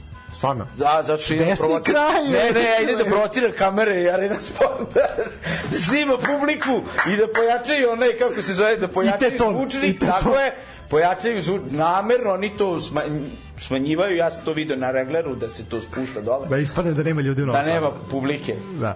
A neko kaže bilo 11.576 ljudi, ali bože moj. Znači, 20.000 ljudi na Karadžođe otprilike. Po, Nije, dva, nije jedno, ali ja cenim da će biti jedno. Pa ako zaista bude u nedelju lepo vreme, ja očekujem, iako Voša stvarno prođe u finale kupa, sad ove, šalom na stranu, ja očekujem da će zaista biti pun stadion. Ove, I bi, treba. biće i navijača i ovaj partizana. E, neće. Kazna. A i dalje kazna. I dalje kazna, Ali ne. mislim da će biti svakako... Sektor zapad, desno. Da, zapad, Da, juga. Mislim, e, e, ja verujem da drugari izbije ovo slušaju uredno kao što slušaju sve. E, definitivno mislim da moraju da iskomuniciraju mnogo kvalitetnije. Mislim da sad već duži niz godina na utakmici na utakmici između Vojvodine i Partizana budu velikih incidenata bude na istočnoj da, da. tribini na zapadnoj tribini. To na primjer za razliku od utakmice sa Crvenom zvezdom ne bude zato što navijači Crvene zvezde uglavnom već znaju da treba da idu ovaj bliže jugu na zapadnoj tribini, dok navijači Partizana ne. I pritom e, pripadnici ovaj organa reda već kad vide navijače ovaj Partizana u, u ovaj kako se zove u obeležima treba već na samom ulazu da ih evakuišu ajde da kažemo ili da ih usmere ka tom Jer delu. postoji to pravilo da ne mogu ljudi sa obeležima da uđu na, Tako te- na istok i zapad. I, ove. I zaista bih ovim putem apelovao na ljude koji navijaju za Partizan. Znači, ove, već kad dolazite na stadion Vojvodine, već kad dolazite na zapadnu tribinu i kad vidite da su oko vas navijači Vojvodine u, tom sektoru, pošto je sada bila e, dosta neprijatne situacije sad kad je Vojvodina igrala ove, sad kad smo pobedili 2-1 u prvom delu tom kako Pa sad preko nedelju, da, da, ove, na toj utakmici bilo je, bilo je dva, tri momenta gde su ono, mislim, dođeš, vidiš da su apsolutno svi u tebe, oko tebe, ono, u, u obeležima futbolskog kluba Vojvodina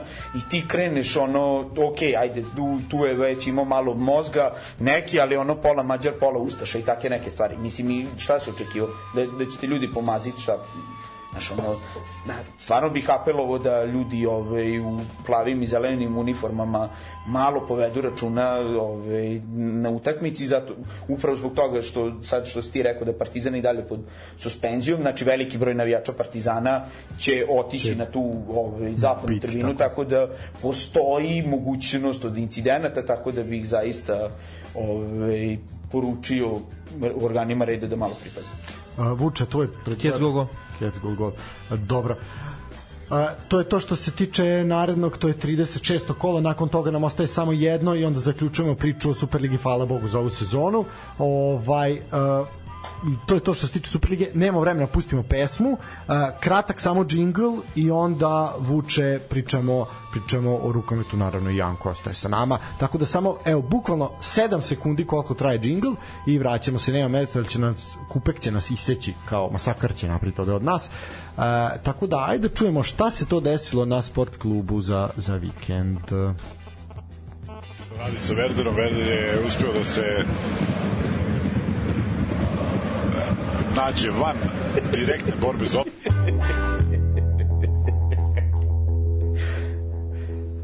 sjajan moment, sjajan moment. Sja, legendarnog Gojka Andrijaševića ovaj, A ne, ovo je jako dobro, mislim, i ovo je zaista jako dobro. Pazi, svako se može desiti, mislim, ali nije... moraš e, da, samo molim te reci slušalcima na koje je to utakmicu koju je utakmicu radio? Koju ligu i koju utakmicu Šta je? Bundesliga? Bundesliga, da. A, Red Bull Leipzig protiv mislim da je ovaj kako se zove protiv Wolfsburga ili protiv koga ja mislim da nije Wolfsburg, ali ovaj, ali dobro, Red Bull Salzburg čekaj, sad ćemo vidjeti. Ovaj, dok mi tražimo to, vuče, ajde ovako, a, dešava se to, dešava se završnica a, rukometne ovaj Super lige, dolazi došli smo do plej-ofa, odigrani su prvi mečevi, Vojvodina je savladala svog protivnika, Partizan savladao svog, kako si to video i šta očekuješ u revanšu? Ništa, videli smo dve očekivane pobede, dakle Voša je savladala Dinamo iz Pančeva, Partizan Metal Plastiku, domaćini su slavili. Pa svako ko je gledao, mislim ajde ko je, ko je možda ovaj samo propratio, znači meč Vojvodine i Pančeva, Vojvodine i Dinama, Dinamo je u prvom napadu ostao bez najboljeg igrača, našeg budućeg reprezentativca seniorskog Danila Radovića. I ostali su u, u daljem toku meča bez još jednog važnog igrača Uroša Pavlovića Pivota koji neće moći da igra naravno kao ni Radović.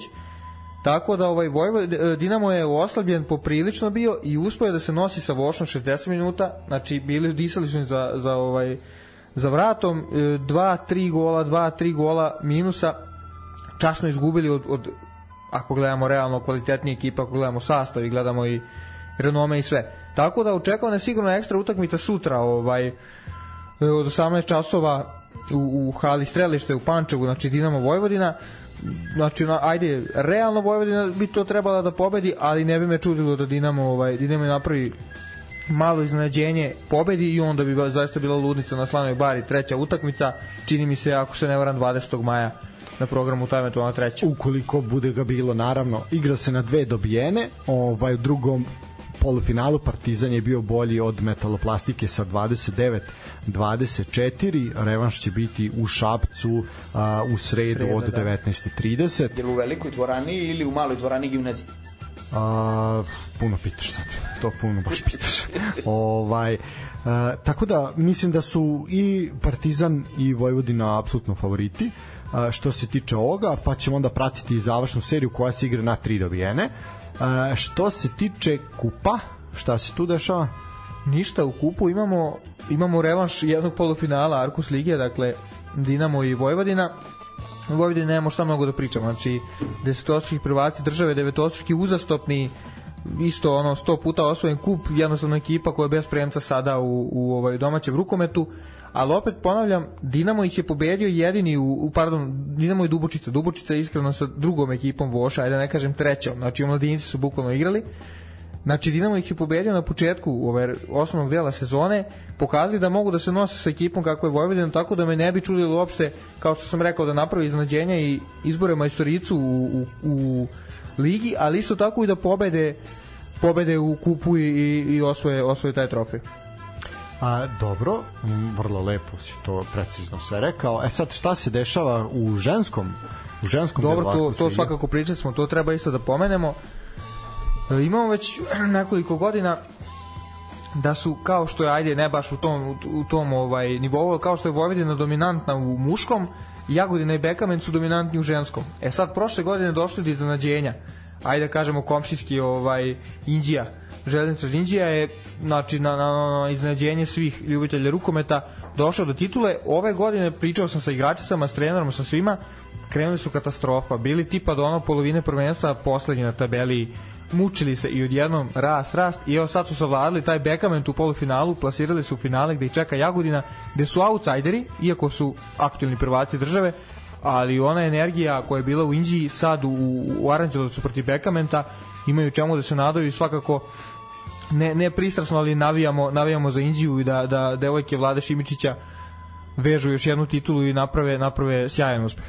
A, da, 2-1 je bilo bilo u seriji. Da, obe, obe, ovaj, obe utakmice. serije interesantne, obe serije interesantne, znači Jagodina savladala mladost, opet mladost je napravila break. utakmici 10 pazi, razlike. Pazi, mladost je napravila break u Jagodini, to niko nije očekivao, mladost realno jedva se našla u top 4 ekipe, ali bilo realno da Jagodina Ali onda Jagodina reši. vratila. Da, bilo je, bilo je ovaj ono, znalo se da će to Jagodina brzo da, da reši, ima i nekoliko reprezentativki, realno bolja ekipa, dok iskreno ja sam vamo već mislio da, da to Bekament rešava i da Bekament i Jagodina idu u finale, ali eto, Železničar je, iznenadio ovaj, sve i borit će se za novu titulu. Samo da vidimo kad se igra, kad počinje finalna serija, da li imamo informaciju? Finalna serija počinje uh, 19. Znači to je isto To je sad to je petak, da. Da. Petak 18 časova ovde stoji, sad ako je to istina.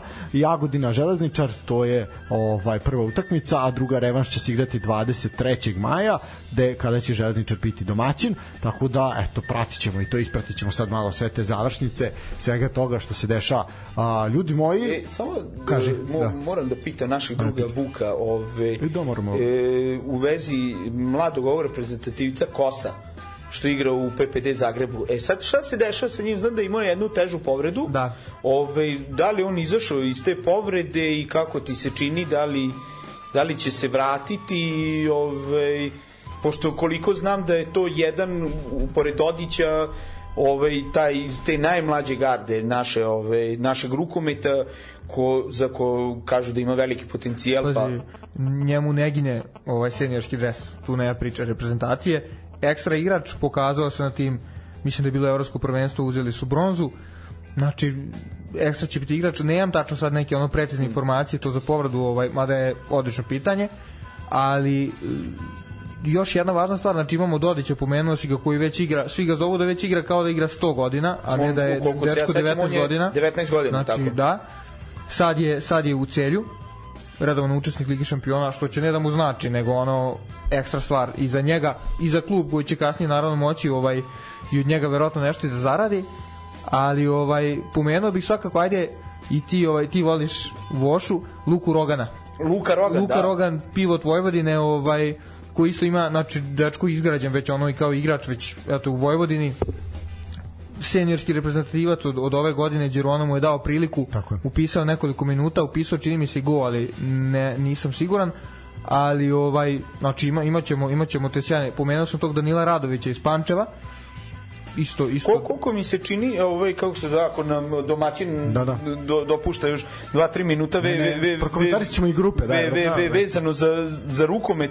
Ovaj, ono šta mi se sviđa, što je dobra stvar, čini mi se da i to Vojvodina nekako shvatila, da mora da ozbiljno radi na infrastrukturi i to je ta baza, da prave te kampove, da idu te školice rukometa širom Vojvodine i to. I čini mi se da to jako dobro rade trenutno i u Pančevu, poslednjih par godina, koliko god bio i Ratko Nikolić igrao za njih i šta ja znam, ali ovaj, vidim da su uglavnom to momci koji dolaze iz Pančeva ili iz Komšinskog, što bi se reklo, Okolina, Beograda, ovaj, tog južno Pančevačkog okruga, što bi se reklo Beograd i ostalo. Ovaj, Ovo je odlična inicijativa da se preimene Južno-Pančevački okrug. Ove, šalim se, ali o- ono, ono što mi se sviđa i čini mi se da nekako reprezentacija e, i prethodni put, znači ona reprezentacija sa Vujinom, Žarkom Šešumom i ostala ekipa je bila fantastična. Oni su bili prvaci Evrope i vice prvaci sveta i šta već Srebro, da. sva, svašta Srebro ne. srebro Evrope, da. Ove, ono što je e, dobra stvar za čini mi se za naš rukomet, naročito za te mlađe jeste Toni Girona. Ove, nema greške, pričali smo- i, pričali mislim smo- da ti klinci kao poput e, Luke Rogana, Kosa, Dodića Znači, kad uđu u taj reprezentativni futbal, oni znaju da su ušli zato što vrede, Rukomet, a ne da, zato što... rukomet. Da, da. Da, da, da, ovaj, kako Prebacio se, ne već. Šta kažeš? Rekao si futbal, ali ne već. E, da, rukometa, ja se izvinjam. Ove, zato što znaju da vrede i da su tu zato što su kvalitetni igrači i zbog toga, tako da mi mislim da je to sjajna stvar što je rukometni savez napravio i mislim da ti klinci zaista mogu da eksplodiraju zato što e, Girona nije opterećen tim klubaškim varijantama. Ne, to, je- to to, smo je, to pričali, ključna da, to smo Znači, pričali neće milion biti puta, ono, da. e, moj, ovaj, onaj trener Ne, i neki neutralno. bivša prijateljstva i to, nema on. Zato što Znači, najbolji igra i to je to. Apsolutno, zato što u, to smo i pričali vezano i, i za futbal, ovaj, za malog, e, za sina ovog, bože, za sina, pričali smo za Srđana Jovanovića, Tako za sudiju. Znači, i taj John, Toni Girona i on drži do svog nekog autoriteta. Znači on hoće, danas je selektor Srbije, verovatno on ima ideju da sutra, prek sutra bude selektor te Španije, koja je njegova zemlja, Ja mislim da neće on čak da se blamira tamo u Srbiji sa tim nekim klubaškim varijantama, tako da samo mi sam to hteo da te pitam vezano za tog Kosa, čini mi se da je on poput Dodića jedan spektakularan Ne, potencijal. ne, to je, to je oni su, znaš ono kad se priča kao u Srbiji, u, kao u, ovaj, za Srbiju su ta, znači ovi su već sad za Evropu ozbiljni talenti. Samo znači, da se pobijemo sa onim Sagosenom. ovaj, Samo sa onim Sagosenom da se pobijemo ko, i onim Bojesenom. Kako zove onaj mali što igra za, Nor, za Dansku, što je zamenio uh, Hansena. Hansen je igrao, a ovaj mali dvojica, ona e, Pitlik i još jedan. E, ima Pitlik i onaj drugi. Momci 2000 e, godišta. to, taman, eto, ova dvojica da, ih Ne, pustimo. mo, mogu da budu, mogu da budu ovaj ono. Eto. Mogu da im se suprotstave sigurno. E, hvala ti Nadam, na nadamo se i da hoće. E, sad, izvučene su grupe za evropsko prvenstvo koje će održati u Nemačkoj jel, u januaru naredne godine, jer januar je tradicionalno raz, rezervisan za rukomet. E, naši momci se nalaze u grupi C koja se igra u Minhenu, ovaj smešteni su Minhenu? u Minhenu, da, da, sad sam proverio. Znači ovako, grupa, prvo, što pre nego što pređemo na našu grupu, kratko samo, ovo je prvo takmičenje da su se plasirale sve bivše naše zajedničke države tako da ovaj okret kao ovaj zastavi tu iza nas. E, eto to je lepo videti i mi smo naravno dobili našu tradicionalnu ali ovo malo je sad možda i provokacija da mi sad dobijamo ove države ali eto tu baš crnogorcima baš ovaj tu sad kad se vlast promenila ovaj i sa mađarskom ovaj eto posle fudbala i rukomet a takođe nosilac grupe je Island tako da eto to su to su ovaj to su grupe. Mislim ima još do januara to sve ali grupa se može proći grupa se može proći. Grupa se mora proći. grupa se mora proći bravo ovo je dobro ovo je Pa sad se mora proći čak i na prvom mestu. sad Da, ovo tako- kao ne, Pixi kakav pazi, eventualni plasman Prošli smo e, sa ovom sad ti si Janko pomenuo znači Đerona, pomenuli smo igrače, ima ih i sad koji igraju koji su ekstra ovaj ono najboljim najboljim igračkim danima i nije više ono u bio bi uspeh, ne ne bi bio uspeh, moramo da prođemo ovakvu grupu, da da nam je u grupi ne znam Danska pa da nas neko slučajno od ovih drugih iznenadi, ali ne, u ovoj grupi mi moramo da prođemo i što ti kažeš što da ne i odmah jasno ovaj ciljati prvo Mi, mi, mislim da u ovom trenutku, koliko sam ja nešto ispratio, Island je ozbiljno u silaznoj putanji što se Da, tiče Kao, kao i Mađarska. ovaj, kao i Mađarska jeste Smene, da smene trenutno, generacije, Smena da. generacija. trenutno se jeste Mađarska liga nakon uh, Nemačke Bundeslige je trenutno najbogatija imaju ovaj tri to jest dva ova velika kluba Vesprem i Pik Seged koji ulažu ogromne pare pritom desilo se brodolom u ovoj u Kelcu u Poljskoj Da. se desio, ajde da kažemo, nije brodolom, nego neka, ajde, havarija se desila, pa su oni uspeli tu nešto da kupe i Vesprem i, i Pik Seged su uspeli da kupe tipa pola tima i to, ali ono definitivno nosioci u ta dva velika mađarska kluba nisu mađarski igrači. Ne, ne, ne. To su Španci, to su Eksiju, Mi u Vespremu imamo dva reprezentativca. Hrvati imaju Čuparu i Pešmalbeka. Tako je. I uh, Hrvati isto imaju igrače i imamo Pik Segedu Radivojevića. U Radivojevića u Pik Segedu tako da ja iskreno mislim da reprezentacija realno može a da budemo i malo nepristojniji, da ne kažem nad meni, pa da kažemo da reprezentacija mora da završi grupu na prvom mestu, zato što se ukrštamo dosta komplikovano. E sad, pre ukrštanja, samo jedna bitna stvar. Islanđani su nam, kao i Mađari, jako bitni rivali za, za olimpijski turnir. Jer su Islanđani bili uh, 12. mi smo bili 11. na ovom svetskom prvenstvu. Crnogorci su potopili sebe totalno, to oni su bili 18. To je Koliko bilo su, totalno. a Mađari su bili? Mađari su bili 8. Ovaj, tako Znači, tu smo. tu smo i realno bi trebalo ovaj da da se tu što kažeš trebalo bi ali ajde nikad ne znaš šta može da se šta može da se desi tako da bi zaista ono morali jer moramo se dohvatiti tih olimpijskih igara to je ono što nam je što nam je jako jako bitno.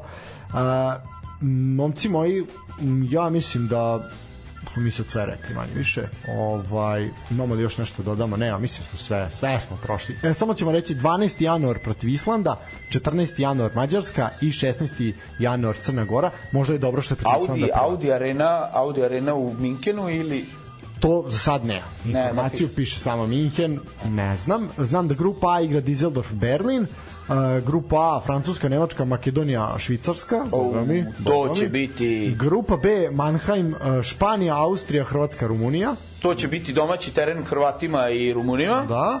I pritom e, jedna mala ovaj kao zove trivija. U Mannheimu ima generalni konzulat Republike Hrvatske. Eto vidiš, kaže nije povezano, sve je povezano. Grupa D, Berlin, uh, Norveška, Slovenija, Poljska i Farska ostrava. Oj, jao. Farska ostrava prvi put ikad u Pazi, istoriji. Farska ostrava sa 50.000 stanovnika prvi put igraju. Da, pa, da, de- da. pa to ima, znači da Praznik. dođe 47.512 ovaj, ovi koji nisu na terenu, ostali će svi doći. To, da, to, to, da, to, da. znači celo Farsko ostrava su na godišnjem odmoru u Berlinu. Grupa E, takođe Mannheim, Švedska, Holandija, Bosna i Hercegovina, draga, i Gruzija. Znači, taj Mannheim ima da gori. ima da gori, ima Halid Bešlić da pjeva sve u 16. Ove, ko bi rekao, čude da se dese da raj na mostove unese, pošto Mannheim je raj inače. Ali, bože moj, A, I grupa F, takođe Minhen, Danska, Portugal, Češka i Grčka. Pa nema, to je naše bratstvo. Znači, Česi sa nama navijaju i braća Grci. Braće Grci. Pa braće Grci, pa stolica u glavu. O, Bože moj, a mi to bratski, kad ti, koliko si izde puta potukao s prijateljem? Sto puta. Sto ljubav, puta. bratska Da, bratski. Ja ga švajzdam. Ovaj, da, Predrag pepeljarom. Daniljević, pepeljara u glavu, nožu. Vilga Rokle, zakoljem ga nožu malo i možeš misliti, tako da, tako da, biće žurka, biće žurka. E, a, fantastično. Radujemo se svakom januaru, ali tad pričamo o rukometu i to je nešto što je prelepo. Uh, and I think it's beautiful, što bi rekli, jel? što se tiče mog dobitka ovaj Dobro.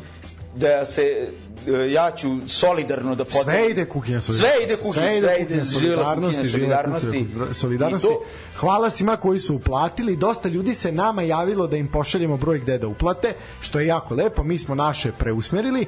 Ovaj jako je to lepo i mala ali bitna pobeda kuhinja solidarnosti je vratila Obrok. taj obrok koji je bio nažalost ukinut privremeno zbog nedostatka finansija, tako da hvala svima koji su pomogli i nastavite da odvajate onome koje je bitno. Reci. PS, a, ako ste slobodni u petak 18 časova, dođite da šetamo zajedno, znate gde?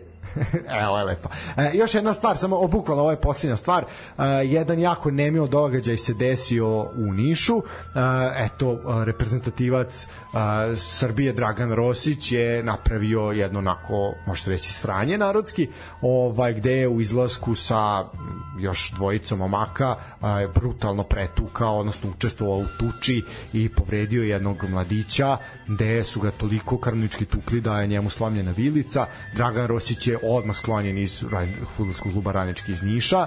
A, ono što ja smatram da je naš najveći poraz trenutno što se tiče ove situacije to da naši mediji su ćutali, a, da je reklo jedan od futbalera, jedan od reprezentativaca, a Index HR je bio prvi koji je rekao da se radi o Draganu Rosiću, pa su onda i naši morali da objave.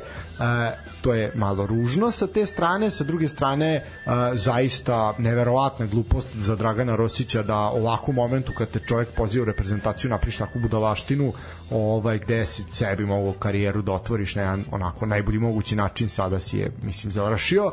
Bar bi tako trebalo biti tako da ozbiljna osuda ovom momku ovaj brzo poravak i što je bolje moguće ali eto zaista ajde da malo spustimo loptu ovih dana kada ima jako puno nasilja svuda i jako puno prizivanja nasilja i jako puno tenzije i svega, ajde malo samo da imamo neku kočnicu i da malo razmišljamo o nekim posledicama, pa bili vi mlađi od 14 godina ili ne, ali ajde malo samo da se uključi taj mozak, jer taj mozak nas ono razlikuje od, od životinja, bar neki od nas to je to, ništa. Momci, uh, Janko tebi zaista hvala, ovo ne da si, ne da si bio X faktor večeras, nego zaista... Doktorska disertacija, što bi rekao Lala. Što bi rekao Lala, doktorska disertacija za desetko. A Vujić, ako ga nije sramota, nek dođe Do, treći do, do. put. Da. Ove, još jednom hvala vama ove, što ste me pozvali i ove, zaista sam uživao i večeras u ovakvom društvu. Ove, opet sam čuo neke stvari ove, koje ne možeš da čuješ ovaj, svaki dan i ono što zaista moram da pohvalim i kod jednog i kod drugog ovaj, to je neverovatna strast prema stvari koje radite i to je zaista, zaista za pohvalu. Mislim, gledati naš futbal koji nije toliko loš kao što ljudi govore, stvarno i toli, sa toliko pažnje i sa toliko emocije stvarno čovjek mora da pohvali rukomet koji nažalost nije ovaj top uh, sport što se tiče praćenja. Zaista ti vuče na način na koji ti to pratiš u svakom smislu to je stvarno za pohvalu i želim jednom i drugom da ovaj da da dostignete ovaj podignete to na novi nivo u kom smislu. Ne da se menjate nego da ovaj uspete da nađete što bi se reklo nove slušaoce i novi prostor gde možete da se čujete. Tako da to zaista od srca i drugarski ovaj, iskreno želim tako da još jednom hvala na pozivu i kad god vi mislite da ja mogu nešto kao da pametno kažem mada sumnjam ovaj, ja ću biti ovaj, rad i drag da dođem 2-0 je najopasniji rezultat, sad je vreme za preokret. Samo ću to reći, ništa. ništa. Druže, Strahinja, zapamti. to je to, ljudi moji. Još jedan put, Janko, zaista ti hvala. Nikola je, ovaj, eto, mor, pošto sad će vam to objasniti kako to funkcioniše. Od nečega mora i da se živi.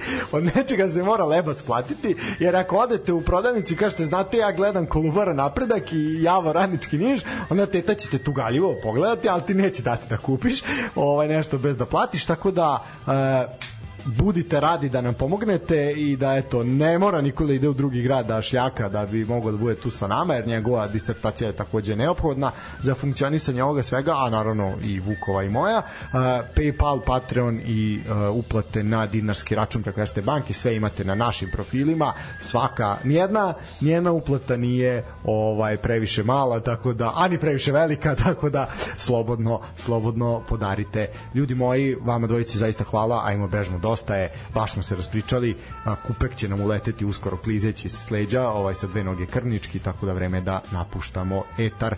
Vuče, takođe tebi hvala i ništa, čujemo se narodnog ponedjeljka. Janko, šta da reći narodnog ponedjeljka?